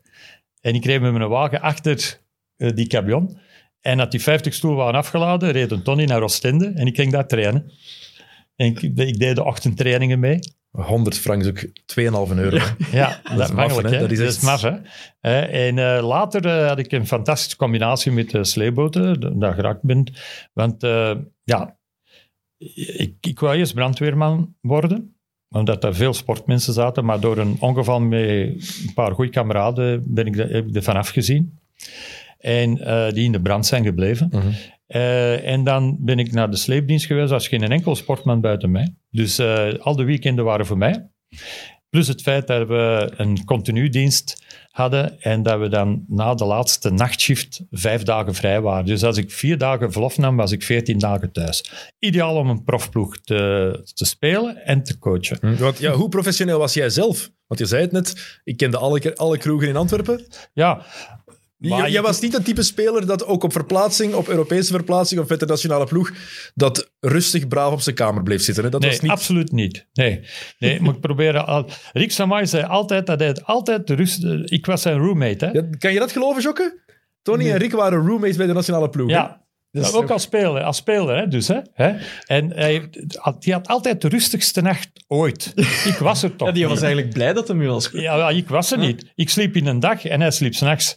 Maar in overdag moesten jullie toch ook trainen? Ja, we trainen, maar oké, na de training ik ook in mijn bed. Ik heb nog geweten dat, dat ik thuis kwam in eh, Tel Aviv, op hotel dan. Eh, om zeven uur s morgens, we hadden om half negen hadden we een briefing, om negen uur training. Dat ik nog eh, echt in, dat ik in bad ben gaan zitten en Rick heeft me nog echt mijn rug gewassen toen. Wat? Eh, ja, dat was, kom aan jongen, we hebben training. Oké, en dat was een training, een stretching op het strand in Tel Aviv. En ik zat daar deel te nemen aan die stretching en op een gegeven moment zei ik...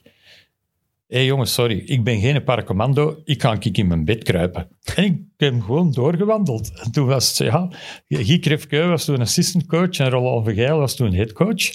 En ik ben gewoon in mijn bed teruggekropen. Ik, ik was op dat moment een onmisbare factor. Je kon je wat veroorloven. Ja, dus... eh, eh, en bij Ron Adams heb ik dat ook geprobeerd, maar dat lukte niet. Nee, dat... daar schrik ik niet van. Maar Nee. met een kater... eh, Met een hele zware kater gaan spelen. Was, of was je gewoon nog, nog zat toen je ging trainen? Dan? Nee, maar ik was moe. Ik, nee, ik was gewoon moe. En eh, bij alle dat is wat, wat heb ik ook vroeger heel vaak tegen mijn moeder gezegd. Ja, Ik ben gewoon moe. Het, het, Ben wa- gewoon- wanneer ik het, als je een kater had, dan, dan, dan ik kreeg soms, ik had contactlenzen, dan kreeg ik die niet in.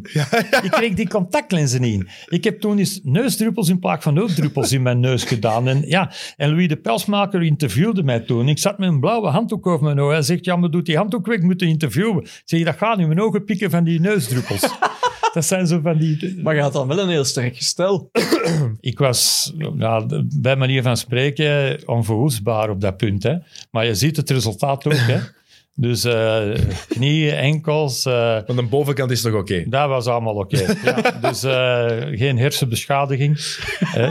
Ik moest soms wel... Ja, je- mensen hebben miljoenen hersencellen soms te veel. En ja, dan moet, al- alcohol doet daar iets mee. Hè. Dus ik bouwde dat gewoon wat af dan. Hè. Ik mocht, mijn IQ moest wel op peil staan. Hè. Ja. Maar eh, ik moet eerlijk zeggen, eh, ik heb de combinatie van een, een fantastisch leven eh, tot op de rand van het losbandige toch kunnen combineren met eh, echt... ik weet niet hoeveel selecties in nationale ploeg. eh, ik ben gevierd voor mijn 101ste selectie in de Arenahal in 1983. En dat hebben ze geminimaliseerd naar 56. Omdat dan toen... eh, ja, de oefenwedstrijden werden toen gespeeld soms met eh, refs niet uit het buitenland. En dat werd niet beschouwd achteraf als zogezegd zijnde een, een eh, nationale selectie. Dus alle oefenmatchen die jij gespeeld hebt, of de meeste oefenmatchen, die tellen dan niet mee als officiële, officiële caps. eh, ze hebben alleen mijn officiële caps ge- genomen. Dus ja, en dat, vond, ik, bullshit. eh, dat vond ik bullshit. Ja. Dat is ook Ja, zo. Ik ben toen eens geweigerd geweest eh, met de club van 100. En ik dacht dat ik er echt onder dat. En toen zei Pat Keulemans tegen mij, nee Tony, je bent er niet bij. Ik zeg, nee, maar ik heb er nog wel 100 te goed van, eh, als coach hè, van Nationaal Ploeg. Tellen die niet mee? En hij zei, nee, die tellen niet mee. Het is alleen voor de spelers. Ja, oké. Ja, dus oké, fine. So what? Ja, zo wat. Maar ja, je zegt het net al, ja, je leuke spelerscarrière, goede carrière gehad. Jammer genoeg die titel dan niet gewonnen. Een reputatie van hier tot ginder meegesleept geweest, van eh, bon vivant, losbandig, dit. En dan word je plots nationaal coach. Ga je 23 jaar in eerste klas eh, coachen, doe je nog, win je nog een beker met Suneer. Hè, speel je voor, met ieder ploeg die je gehad hebt, uitgezonderd Wevelgem. Eh, speel je altijd play-offs. Speel je ook altijd Europees. Dus, en, dan, ja, en dan word je nog eh, teacher in een topsportschool. Dan Kan, geef kan je je, nog- maar waarom, waarom word je coach? Wou je dat altijd al worden? ja, ik wou dat altijd Ook toen je worden. speelde wist je al, Ja. dit is wel iets voor Als mij. point guard eh, was ik het, meestal ook het verlengstuk van een coach. En dan wou ik, eh, ik wou dat verder zetten. Ik voelde mij er ook voor in de wieg gelegd. Want je bent begonnen, want waar heb je je carrière geëindigd? Was het bij, bij Mechelen dat je je carrière als speler beëindigd bent? Nee, bij eh, BC Gent. En dan ben je wel, maar je bent wel begonnen als assistentcoach bij Mechelen. Nee, ik ben, eh, Oké, ik dacht, ik dacht dat je bij Mechelen, die, eh, dat je daar begonnen was, echt eh, je coachingcarrière begonnen was. nee, ik ben bij BC Gent beginnen te coachen. Wij maakten een promotie van tweede naar eerste. Eh, toen waren er nog veertien eerste klassers. En eh, toen George van Uffel, de, de toenmalige coach, die deed een stap opzij en ik nam over. Dus ik denk dat ik 35 was.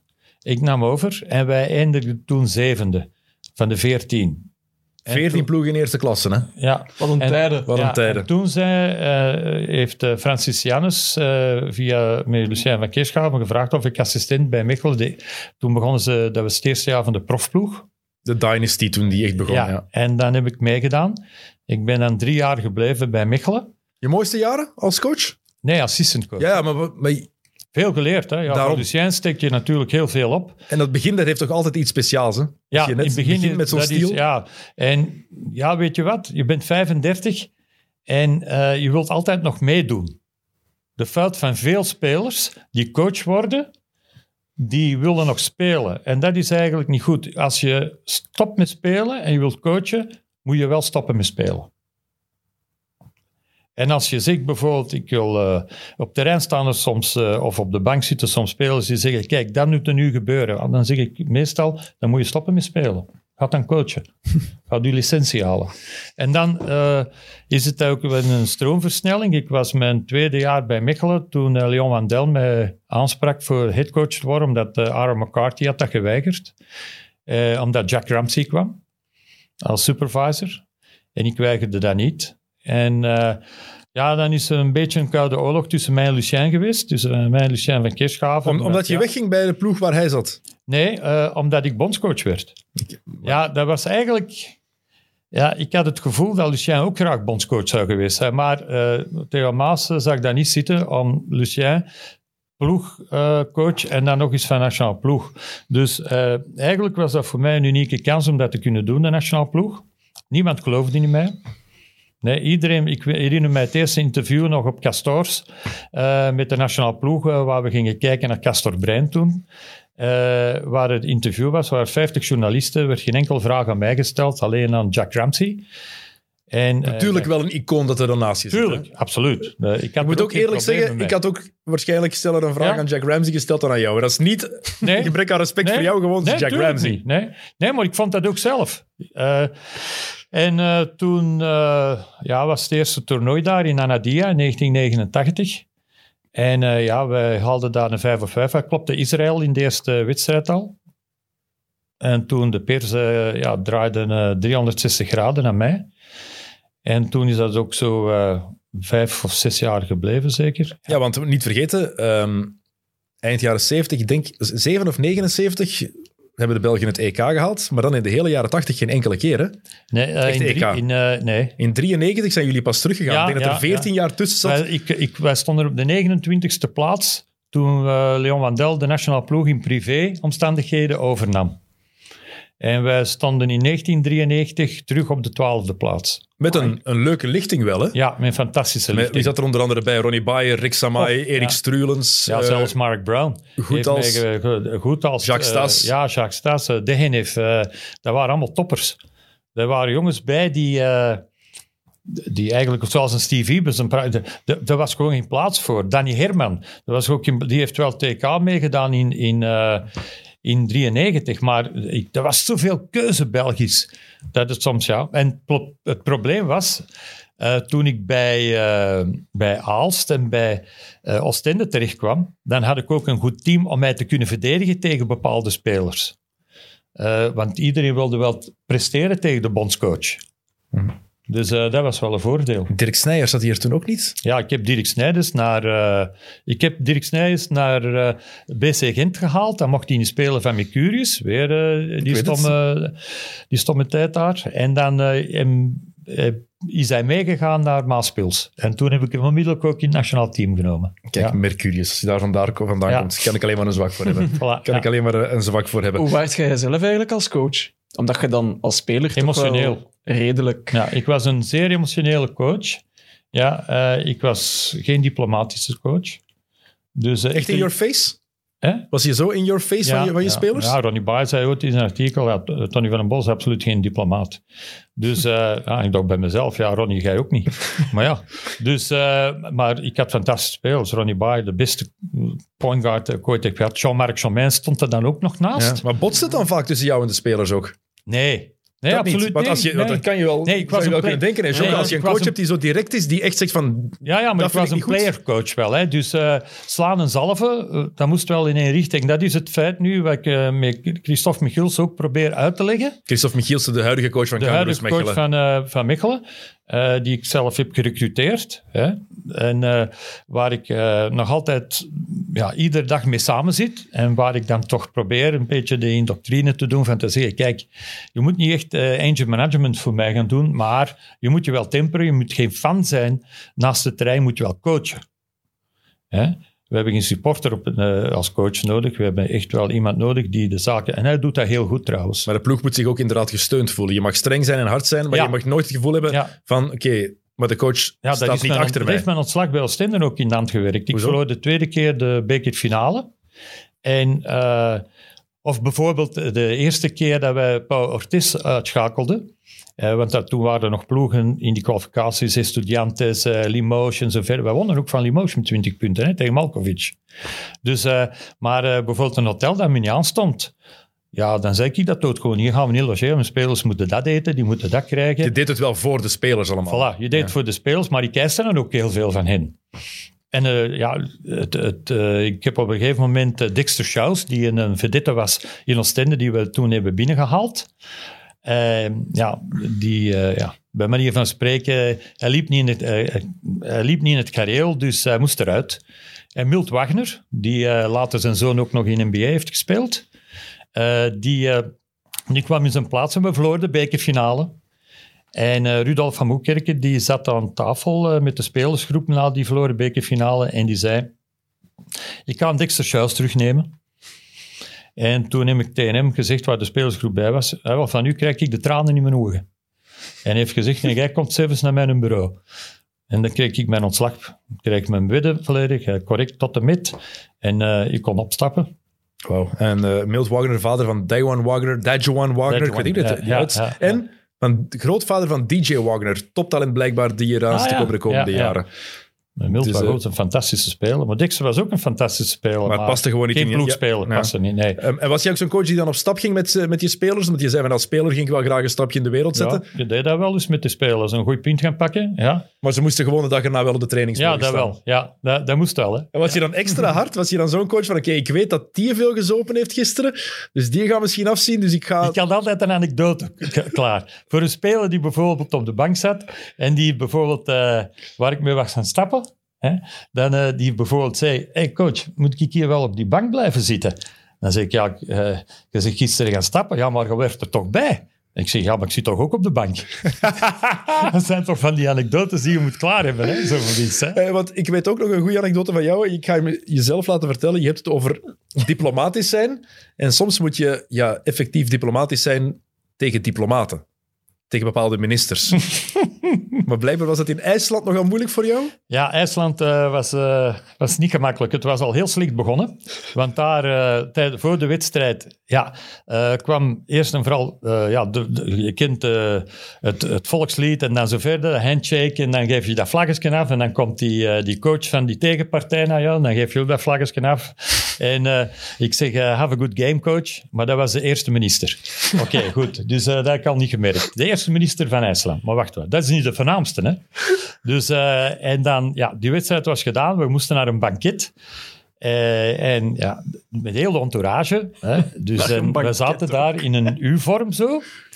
En wij zaten, ik heb ook al wat wijn gedronken, een heleboel. En wij wonnen die wedstrijd met 40 punten toen nog. Ik weet dat nog goed, Ronnie Bayer is nog later gekomen. Uh, zijn vrouw was toen nog bevallen. En ik was de avond, de na, nee, ik had eerst, ja, de eerste anekdote met banket. Dus we zaten daar en plots staat daar een vent op. En het schijnt dat dat was dus de minister van de zeevisserij. De voornaamste minister dus van IJsland. Hè. En die tikte en die zei, ja, voilà, de welkom, een heleboel. Die gaf een, een korte speech over welkom, ja, goed. En die ging zitten. En je dacht, staat er nu niemand niet van ons op? Uh, van, van onze delegatie? Nou, ik zou, zou ik het dan wel doen. dus ik tikte op dat glas. En ik, iedereen kijkt zo naar mij. Wat doet hij nu? En ik stond recht en ik zeg... Uh, ik bedankte die vent en ik, ik, bekeek die. En die, echt waar, die had zo'n een, een, echt een grijze baard zo. En ik zag plots dat visioen van die, van die, van die, van die fishsticks voor mij. en ik zeg, ik zeg... And I will thank you, especially Captain Iglo. ja, dat, was dus een, dat is als een belediging in het laatste nieuws gekomen. En ik, het was eruit voor ik het wist. De diplomatieke banden tussen IJsland en België. Ja, ik, ze zijn nog altijd in oorlog nu. oh, van den Bos. Ja, ik ben toen nog gaan stappen met Loridon. En ik weet nog goed dat Loridon tegen mij zegt aan een geldautomaat pakken we een taxi naar Antwerpen. Ik zeg, wij zitten hier wel op een eiland, hè. Pieter Loridon was het. Het was toch voor hij het snot van andere mensen in zijn eigen neus ja, dat was, was, was, was, grandioos. Ja, ja. was ook daarvoor, hè. Vandaag heb ik wel een nieuw contract getekend. Want ik zei tegen de gasten, mannen, morgen vroeg om zes uur, iedereen in de bus, hè. Hè? Want wij moeten terug naar België, we moeten daar op tijd. Uh, Oké, goed. Wie was er niet in de bus? Want ik had gezegd, het is 500 Belgische frank boete. Hè? Wie was er niet op tijd? Van een bos hebben ze uit zijn bed moeten halen. Nee. Met een grandioze kater. en, ik, uh, de bus, en ik kwam de bus en ik zeg, 500 frank, dat was zo te lachen, hè, man. en die dag heb ik mijn contract teruggetekend voor drie jaar bij de nationaalploeg. oh, heel goed, heel goed. Um, was dat waar je als coach het meest hebt thuisgevoeld als bondscoach? Huithalen. Uh, toch als, als clubcoach wel als meer? Als clubcoach, hè? Ja. Ja, huithalen. Daar heb ik ook het meest duidelijke beeld van jou voor ogen. Ja. Tony van, den, Tony van den Bos met geblondeerde piksjes die de Sirtaki aan het dansen is. Bangelijk. Ja, de laatste time-out. Jokke, daar zijn beelden van te vinden. Oh, Effectief. Yes. Tony van den Bos hout halen. Als je dat intikt, ga je ja. daar heel snel... Ja, tegen Bree voor de finale. Uh, dingen, dus eigenlijk de derby. Ja. ja. In hout halen ik me zo goed gevoeld. Heel goed management. Ook bij Aalst zat ik uh, leuk. Dat is ook goed bij Aalst. Maar hout halen was nog een, een andere dimensie. Dat was na, uh, na Okapi. Ja. Eigenlijk, ik heb mij nooit echt slecht bij een team gevoeld, uitgezonderd Wevelgem. Waarom Omdat daar wel? die, ja, die stonden op de rand van faillissement, Ja, ja, spelers die die niet betaald worden, dit en zo verder. Ja, je moet dan twee keer eh, gaan trainen. Eh, je wordt niet betaald. Drie maanden achterstanden. Spelers die liggen te mokken. Ja, dat was, Nee, dat dat was een ramp. Dat is onmogelijk. Miserie. Ook voor Ja. de spelers is dat geen fijne situatie. Nee, het was geen fijne situatie. Nee, nee. En dan wordt dat een rechtszaak en dat is niet leuk. Mm. En toch, voor mij, ook al zeg je, ik snap het, hout halen, leuke sfeer daar, je wordt daar gewaardeerd. De mijnwerkers Wei- weinig verwachtingen ook van die ploeg op zich. Je kon alleen maar, slagen. ja, Ja. Wij, wij zijn Europees gaan spelen. Hè. We hebben ook... eh, dat werd niet verwacht van die ploeg om Europees te spelen. hè? Nee, wij hebben ook eh, bijvoorbeeld eh, ja, die be- bewuste playoff-wedstrijd in Aalst, eh, waar Orlando Lightfoot daar die neus van eh, een van die supporters eh, verbouwde. Dus in de tribune, drie, 400 supporters op dat veld. eh, ja, dat was altijd wel iets te doen. En die speelden op zondagmiddag. Dus dat wil dus zeggen, zaterdagavond was er tijd zat om naar andere wedstrijden. Hè. Het uitgangsleven was er ook zaterdagavond. Je kon laat slapen tot 12 uur en dan de match was maar om 5 uur. Maar jij was, jij was toch, jij, als we het hebben over, over gevechten in het Belgisch basketbal, jij was toch ook coach van, eh, van RBA toen, maar de Giants nu? Ja, klopt. Bij het meest beruchte gevecht dat er Ah, ooit ja, met John O'Connell en met eh, Stappenbergs. eh, Ja, natuurlijk. Ja, ja. Tegen Rode Ster Belgrado was het zeker? ja Rode Ster. Ja. Die beelden, ah, de mensen die het niet gezien hebben, ja, je kan het overal nog vinden. Gewoon Rode Ja. Ster Belgrado, Racing Basket Antwerpen of RB Antwerpen. Ehm Wij Sappen- kregen toen een boete hè, van 750.000 Belgische frank en Belgrado een miljoen. Belgische frank, want die match moest herspeeld worden. Die is nooit herspeeld geweest. Want Belgrado kwam dus niet eh, op dagen meer. We hadden daar met 13 punten gewonnen. Maar daar was het al boel. Daar was het met eh Vojac- Vojasic, of hoe heet hem daar, en met uh, Sappenberg zat het al eigenlijk in de clinch. Sappenberg trouwens, grappig, nu coach van, van, van Niels, mijn broer. Ja, Dus maakt het helemaal, helemaal mooi Ja, rond. ja. Oké, vertel Ja, verder, vertel verder. Dus eh, en we kwamen daar eh, in, de, ah, ja, in de arenahal eigenlijk. En eh, ja, dat conflict begon daar terug, twee seconden voordat het rust was. Ja, die spelers van mij die vlogen dat veld op. Dat was een heel goed eh, gerommel, dit een vechtpartij eh toekoer. En dan uiteindelijk, ik weet nog goed, eh, dat Rudy Kuil was toen de, de manager. Mhm. En eh, later is er nog Van Bree manager geweest. eh, de, de titel nog, eh, dacht ik, gehaald eh, met Chris Finch. Hè. En die ging naar de kleedkamer. Die, die, die bibberde zo erg dat hij die sleutel niet in dat, dat slot kreeg. Dus hij zegt, en zegt zo, I will pay the fine. I will pay the fine.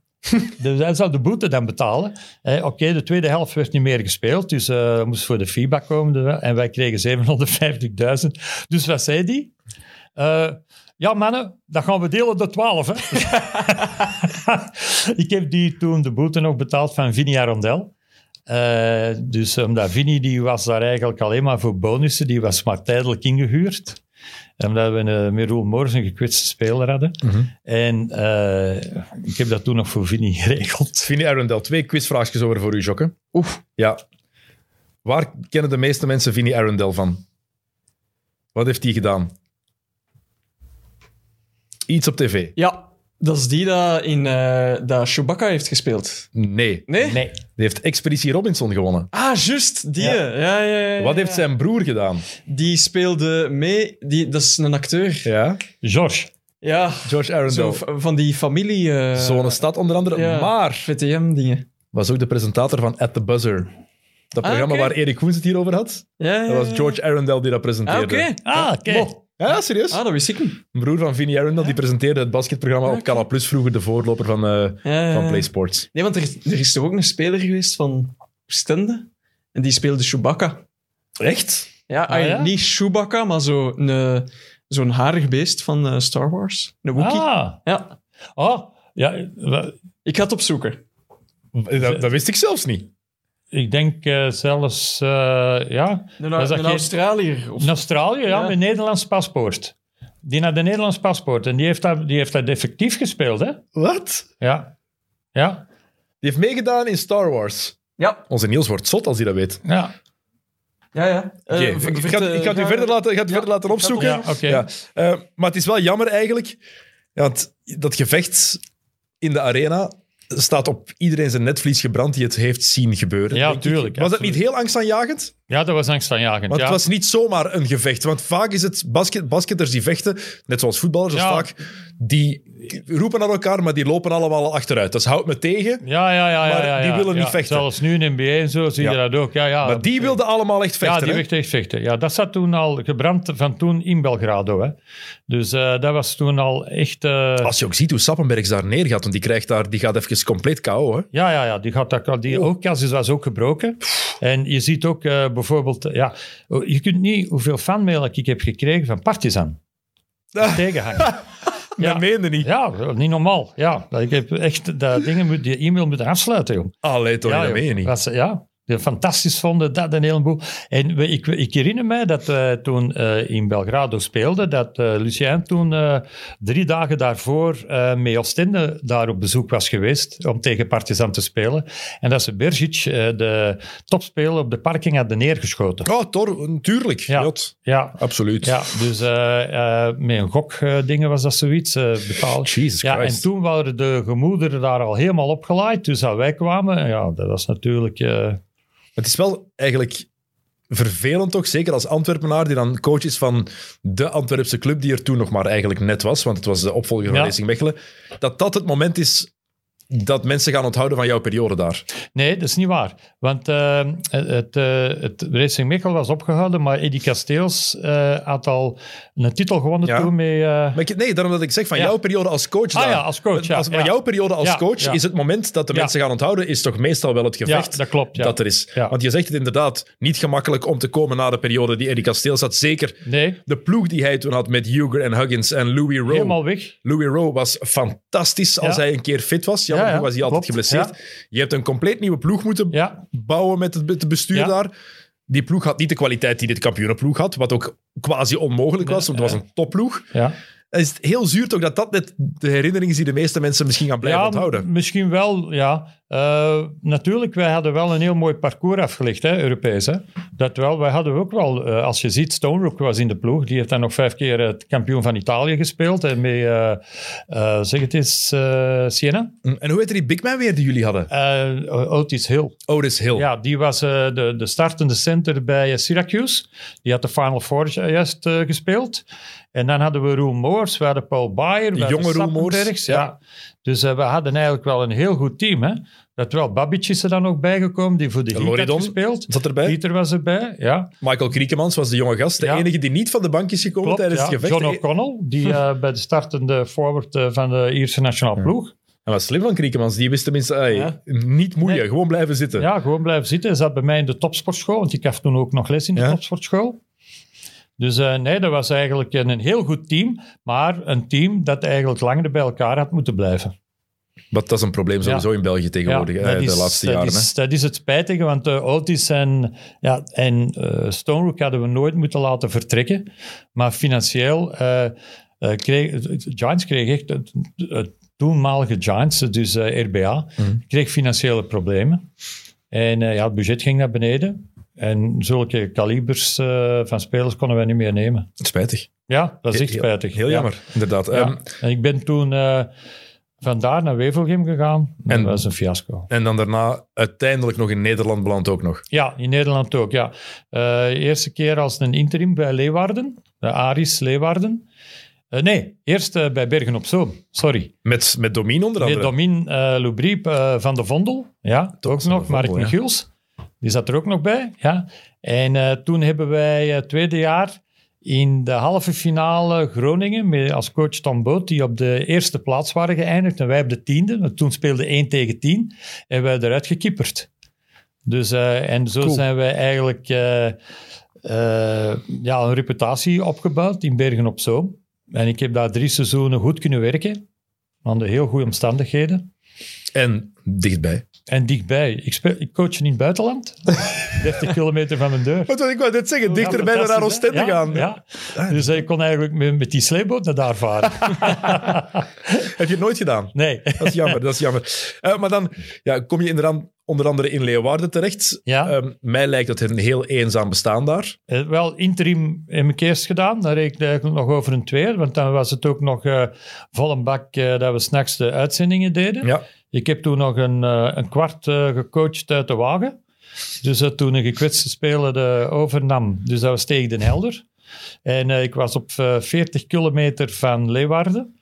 En dat was omdat ik om twee uur was doorgereden, s middags. Was een, een zwaar ongeval gebeurd en we moesten helemaal rondrijden. Dat was Ja. uh. En ik kwam, ja, het eerste kwart heb ik echt uit de wagen moeten dicteren. Echt waar. Aan Rijn van der Kamp, een speler die bij mij was en die uh, gekwetst was. En toen binnenkwam begon het tweede kwart. Wij winnen die wedstrijd met vier punten verschil. Wat heb ik gedaan? Ik heb een fruitsapje genomen. Het was op een dinsdagavond. Hè? Een fruitsap genomen. Ik heb gezegd, nu moet ik maken dat ik in Brussel ben, want ik heb om twee uur uitzending NBA. Ja, Maar ook Leeuwarden, dat is toch niet naast de deur? 254 kilometer enkel. ik deed dat traject toch regelmatig. En eh, toen, eh, nu de laatste ploeg die ik gecoacht heb, was Okapi Aalst. Maar ik heb daarvoor dan twee, eh, in, ook als interim, als vervanging daar van de assistantcoach eh, van Jomain. En ik heb toen twee seizoenen ook nog in Leeuwarden gezeten op de boerderij. Ik weet het, ja. Toen, want toen werkten wij samen. Ja, dat werkte wel. Daar moest ik ook iedere keer mee, die trip. Maar daar ben ik van stadsmens geëvolueerd naar een eenzaad. En wat ben je nu? Eh, ik probeer terug stadsmens te zijn. Eh, dat is niet gemakkelijk. Dat Ja. geloof ik. Eh, mijn, mijn vriendin die helpt mij er wel bij, om dat dus, te zeggen, ja, er is naast die oranje bal en naast jouzelf ook nog een ander leven. Hè? En ik ben nu ook wel grootvader. Voor, vanaf vorige week voor de tweede maal. Proficiat? Dus, eh, ja, voilà. Proficiat. Jonge meisje? Meisje, Elena. Ja. Oké, proficiat. Dus naast Julian is ze nu Elena. hè? Proficiat J. Ja, voilà. En ehm, dan ben ik eh, eigenlijk toch... Ja, Leeuwarden. Je kunt het niet voorstellen. De eerste vrouw had een andere taal. Dan spreken ze Fries, hè? Ah ja, ja dat ik is dacht eerst dat de tv ondersteboven stond. dat ik die teksten... ik- dat is ongelooflijk. En Ik heb daar ook wel wat uitdrukkingen geleerd. Eh, fantastische wandelingen, fantastische streek, ongelooflijk goede mensen. Eh, Geef ons een Friese uitdrukking, alsjeblieft. ja, kan je niet. Dat kan ik niet. Wauw. Dat kan je niet. Maar dat is bijvoorbeeld eh, een boerderij. Ik had daar een boerderij. Eh, zo in, fantastisch naast de sponsor. Die had een heel grote boerderij.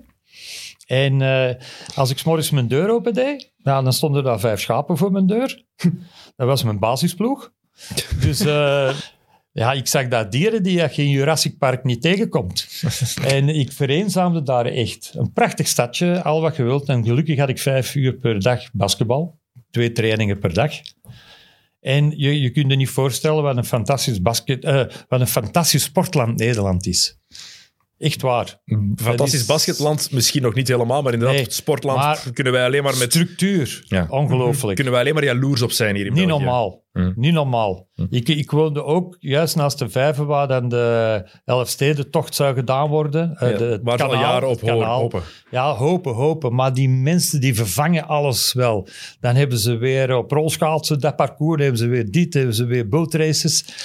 Ja, ze winnen 33 medailles op een Olympische Spelen. Dus als wij Ja. er twee winnen, staat stadhuis, eh, breken ze het stadhuis af. Eh, maar, ja, maar daarna, toen je stopte in Nederland, dacht ik van ja, nu is het wel afgelopen voor Tony van den Bos als basketcoach. Of, maar het bloed kruipt echt waar het niet En gaan toen kan kwam bij. Okapi. Ja, ik wou net zeggen, dan kwam Okapi. Ja. En dan had je dat avontuur even. Ja. En dan dacht ik, daarna zal het helemaal wel afgelopen zijn. En dan En bij kwam- Okapi wist ik dat ik eh, daar een, een geweldig risico nam.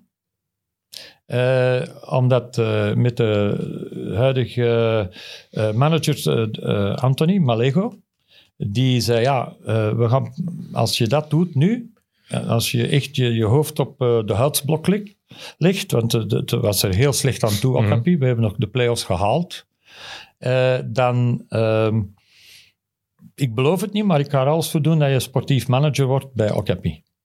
Dat is niet gelukt, omdat er een verandering van bestuurstructuur kwam. Dus Tony van den Bos zat eh, op dat moment zonder werk. maar dan toch naar, naar Mechelen gegaan toen dat Dan zij ben ik eh, aangesproken geweest door Danny Verhulst. Eh, een afspraak met Luc Catra. En dan ben ik eigenlijk, ja... ze had eigenlijk geen betiteling voor mij, want Paul Vervaart was headcoach.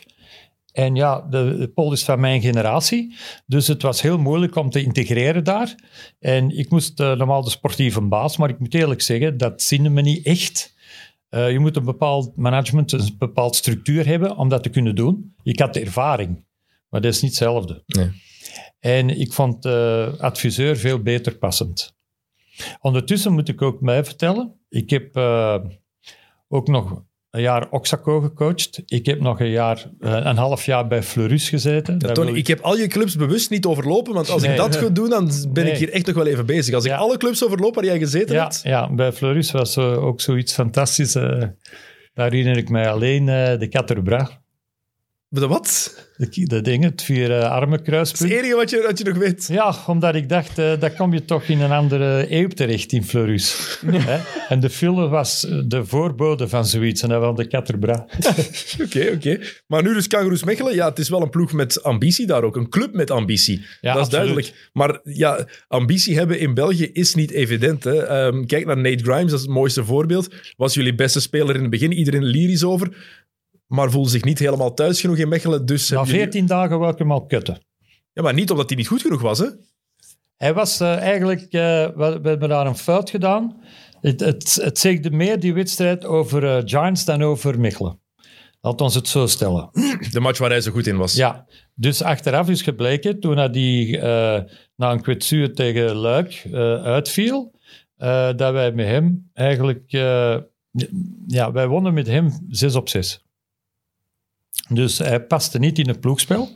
Hij paste zich ook niet aan aan het ploegspel. Je moest eh, veel in herhalingen vallen. Dus eh, spelers begonnen zich daaraan te ergeren. En Nate is op zichzelf een heel goede jongen, maar snapte het spelletje niet echt. In Finland had hij eh, een coach daar die ook nog meespeelde.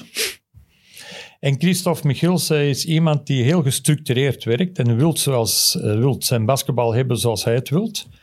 En eh Nate eh, past op een gegeven moment niet meer in dat beeld. Plus het feit, wij hebben er twee maanden met een specialiste gelopen, rugspecialist. en nu zit hij bij Göttingen, bij Roel Moors. Ik heb eh, Roel nog laatst een bericht gestuurd van hoe is het met hem? Ja, brave jongen.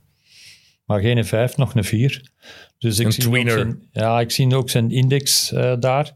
Twee punten, drie rebounds, 26 minuten toch gespeeld. Hmm. Ja, in Duitsland overleef je dat niet, hè? Nee, als je dan zo'n stats hebt in zoveel minuten, dan, Nee. dan overleef je En eh, het. wij hebben ambitie. En eh, Ja, wat is de ambitie? de ambitie is zo hoog mogelijk te geraken. En ik heb het niet over dit seizoen alleen. Hè. Wat is de ambitie mm, de komende vijf jaar Ja, bijvoorbeeld? commercieel eh, zi- zijn wij een gezonde club. Maar eh, wat we nu hebben, is bijvoorbeeld eh, een episode die we moeten kunnen afsluiten van Willebroek. Eh, wij moeten eh, eerst en vooral naar de infrastructuur, Mieke. Die is commercieel ten einde. Jullie spelen in de Winketkaai. Die De zaal, Winketkaai. Racing Mechelen moest daar weg in 1995, omdat Ja, die zaal niet klopt. goed genoeg Ja, was. wij- het is wij- wij 2022, moeten jullie spelen daar terug. Wij moeten onze eters, onze VIP's in een tent plaatsen. Dat is commercieel ten einde. Dat beseft de voorzitter ook wel. Er waren plannen voor de COVID voor een nieuwe zaal. Die zijn er nu weer terug. Ik hoop dat die de sneeuwstel komt staan. Maar het huidige kangaroes vergelijken met het vorige Racing Mechelen, no way. Het zijn andere clubs ook, hè? Ja, het zijn andere clubs. Mensen zeggen dat het basketbal van Mechelen komt terug. Nee. Nee, er is Nee. terug basketbal in Mechelen. Ja, Tenminste, en het er is evolueert. eerste klasse basketbal Ja. in Mechelen. Dat kan je En het zeggen. evolueert. Er zijn twee mensen die daar 22 jaar aan gewerkt hebben om iets deftig, dat is Luc Catra en Paul de Peuter. Meer vallen, opstaan en meer vallen dan opstaan. Vorig jaar nog een bekerfinale gehaald, nipt verloren. Dit jaar een fantastisch seizoen aan het spelen. Een enorm voorlopig. seizoen. Een enorm seizoen. En eh, eigenlijk niet meer een team dat eh, uitblinkt eh, in buitenlandse vedetten. Nee, uitgezonderd misschien Miles Steffens. Maar wel een team dat enorm aan elkaar hangt. En dat is de verdienste van Christophe Michiels, zeker weten. Die ook de ervaring had van bij Lynch te werken. En ik, heb, ik ken hem al acht jaar. Ik heb hem mee gewerkt in Leuven. Een jongen die eh, basketbal eet, van s morgens tot s avonds. Ik zit alle dagen bij hem. Dus eh, en, een, een jongen die... eh ik ga morgen naar Aarschot kijken, naar de jeugd. Die fietst daar naartoe, hè, vanuit eh, Limburg. Hè. Die gaan naar Aarschot fietsen. Hè. Een freak, tot en met, op dat punt. Een gezondheidsfreak. Eh, iemand die perfect past in het beeld voor de toekomst van, eh van Kangaroos Mechelen. En dan is het hoop op een nieuwe zaal, want dat is inderdaad wel nodig. Het is een, Ehm, het is een drama. maar ze praten zaal. daar ook al over sinds 1902 of 93. Ja, dat klopt. Ja, absoluut. Dus, ja, dat is geen grap. Het is eigenlijk al Ja, 30 je jaar daar. Dus. Je moet aanhalen. Mijn persoonlijke ambitie was eerst ergens binnengeraken als defensive coach. Ik moet dat eerlijk toegeven. Niemand ziet mij graag komen, omdat de meesten eh, argwaan hebben. Ik Denk, zie je jou als headcoach, hè? Ze zien mij als headcoach, Tuurlijk. dat is één zaak. Ten tweede is er ook geen budget. In Duitsland zijn er maar drie of vier defensive coaches. En ik probeer nu een beetje dat uit te leggen aan Christophe. Eh, maar ik voel ook dat hij een andere richting wil inslaan. Meer dus eigenlijk naar het eh, aanvallend evenement in basketbal. Voor mij is basketbal 50% aanval, 50% verdediging. Er zijn uh, defensive coaches bestaan er eigenlijk niet en offensive coaches ook niet. Je moet de split-up kunnen doen. Mhm. Maar je kunt wel bijvoorbeeld, je kan wel adviseren wat die eventueel zou kunnen doen. Maar mijn ambitie blijft nog altijd, uh, ja, ik ben een nieuwe richting geslaan. Er zijn veel jonge coaches die op komst zijn. Zie naar uh, Thomas Krap, nu bij, uh, ja. bij Okapi. Jongens die begeleid moeten worden eigenlijk. ziet naar Sam Rotsaert, is eigenlijk al een, ja, een veteraan. Sam Rotsaert. Ja. Er is, daar is nog altijd van Limburg, Westfalen die ook mee nu de, de bakens in handen heeft, een finale nu heeft gehaald. Of halen. Uh, Absoluut, bekerfinale, ja. ja. Komen dus dat zijn toch, maar de, ik mis, uh, Lucien van Keerschaven zei altijd, je moet altijd eerst twee jaar of drie jaar als assistent op de bank zitten vooral je kunt overnemen. Ik zeg juist hetzelfde. Ik heb zoveel goed potentieel van coaches. Ronnie Bayer, Stefan Sappenbergs, uh, Jurgen van Meerbeek. nu, Begin bijvoorbeeld. allemaal jongens die eigenlijk wel verdienden om uh, coach te worden in de eerste divisie, maar geen begeleiding hadden. Dat wil dus zeggen, geen buffer hadden tussen hen, de spelersgroep en het bestuur vooral. En dat is, dat is mijn taak nu, dat ik probeer in te vullen. Want ik ben nu niet belangrijk voor Christophe Michiels op dit moment. Ik zal pas belangrijk voor hem worden wanneer het minder goed gaat. En dat is mijn visie. Mooi, heel mooi, want inderdaad, jonge coaches zouden die extra hulp wel kunnen gebruiken, want dat is inderdaad het moeilijke. Vanaf het, dat het minder gaat, ja, dan je bent snel verbrand, want je hebt daar een paar namen genoemd.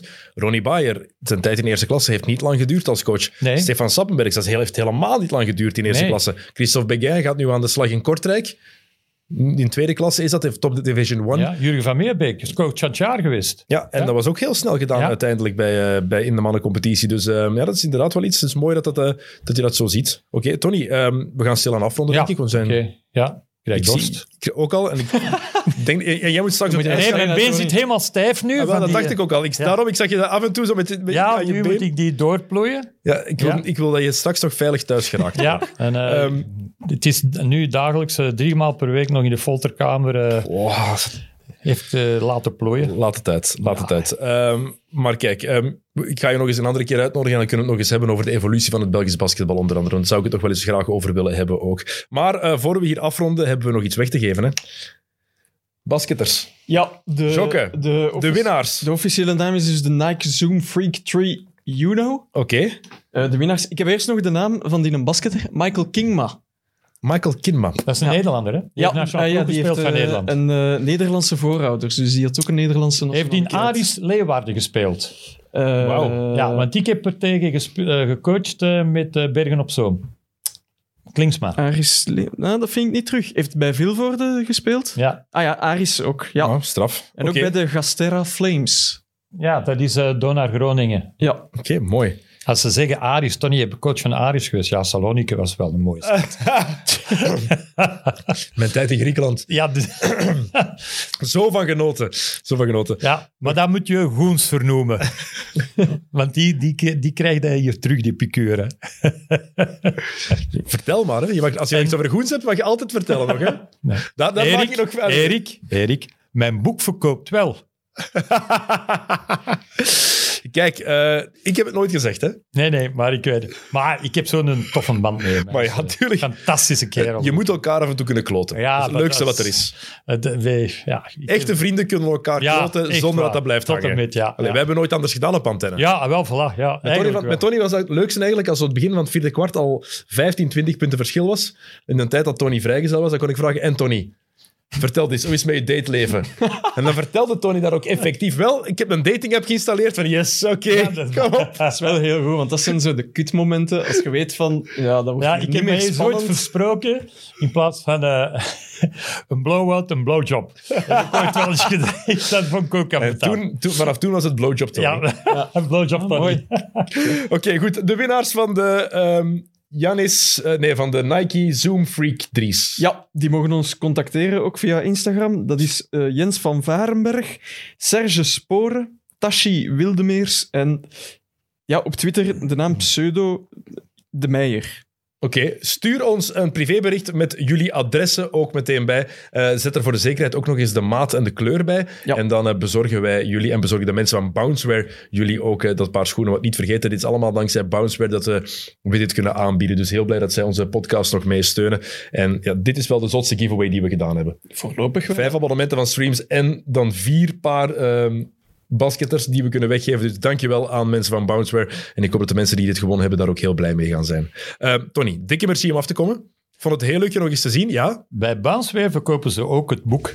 dat wou Ja. nog mee eindigen. Ja, Tussen bal en wal, tussen wal en bal beter gezegd, tussen wal en bal. En het gaat niet over eh, de zakken die onder de ogen soms zijn. Het gaat wel over de combinatie van, van eh, aan de haven werken en de passie van het basketbal. Dus eh, pik dit boek zeker op. En als je niet naar Bounceware gaat of naar een boekwinkel, je kan die ook online bestellen. Dus dan kan je de verhalen van Tony van den Bos nog uitgebreider lezen. En geloof me, er zijn er meer dan genoeg in dit eh, boek. Eh, volgende week zijn we ook weer terug. Volgende week zit Janos Creteur hier. Dat is de tweede keer dat hij afkomt. Journalist van eh, Sport Voetbalmagazine. En hij komt hier meepraten over wat er in de laatste week in de NBA is gebeurd. Dan gaan we het weer over de actualiteit hebben. Er is deze week ook weer Kick and Rush geweest met Jelle, met Leroy en met Tim. En er was ook een met, Yep. ehm, met Dennis Praat. Dus check die ook zeker. Dat is altijd de moeite als Dennis praat. Kijk, We zullen hier afsluiten. Ja. fantastisch. sorry, dat is het. Dat is ook zo goed dat hij dat dan goed vindt. Yes. Ik had hem eerst niet door. Want... Oh, sorry, dat is te flauw. Ik, moest die, ik kon die niet laten liggen. Oké, goed. Tony, bedankt dat je er was. Jokke, dikke merci voor vandaag. Ik bedank u voor het kijken, of voor het luisteren, of voor allebei. En heel graag tot volgende week. Salut. Check it out.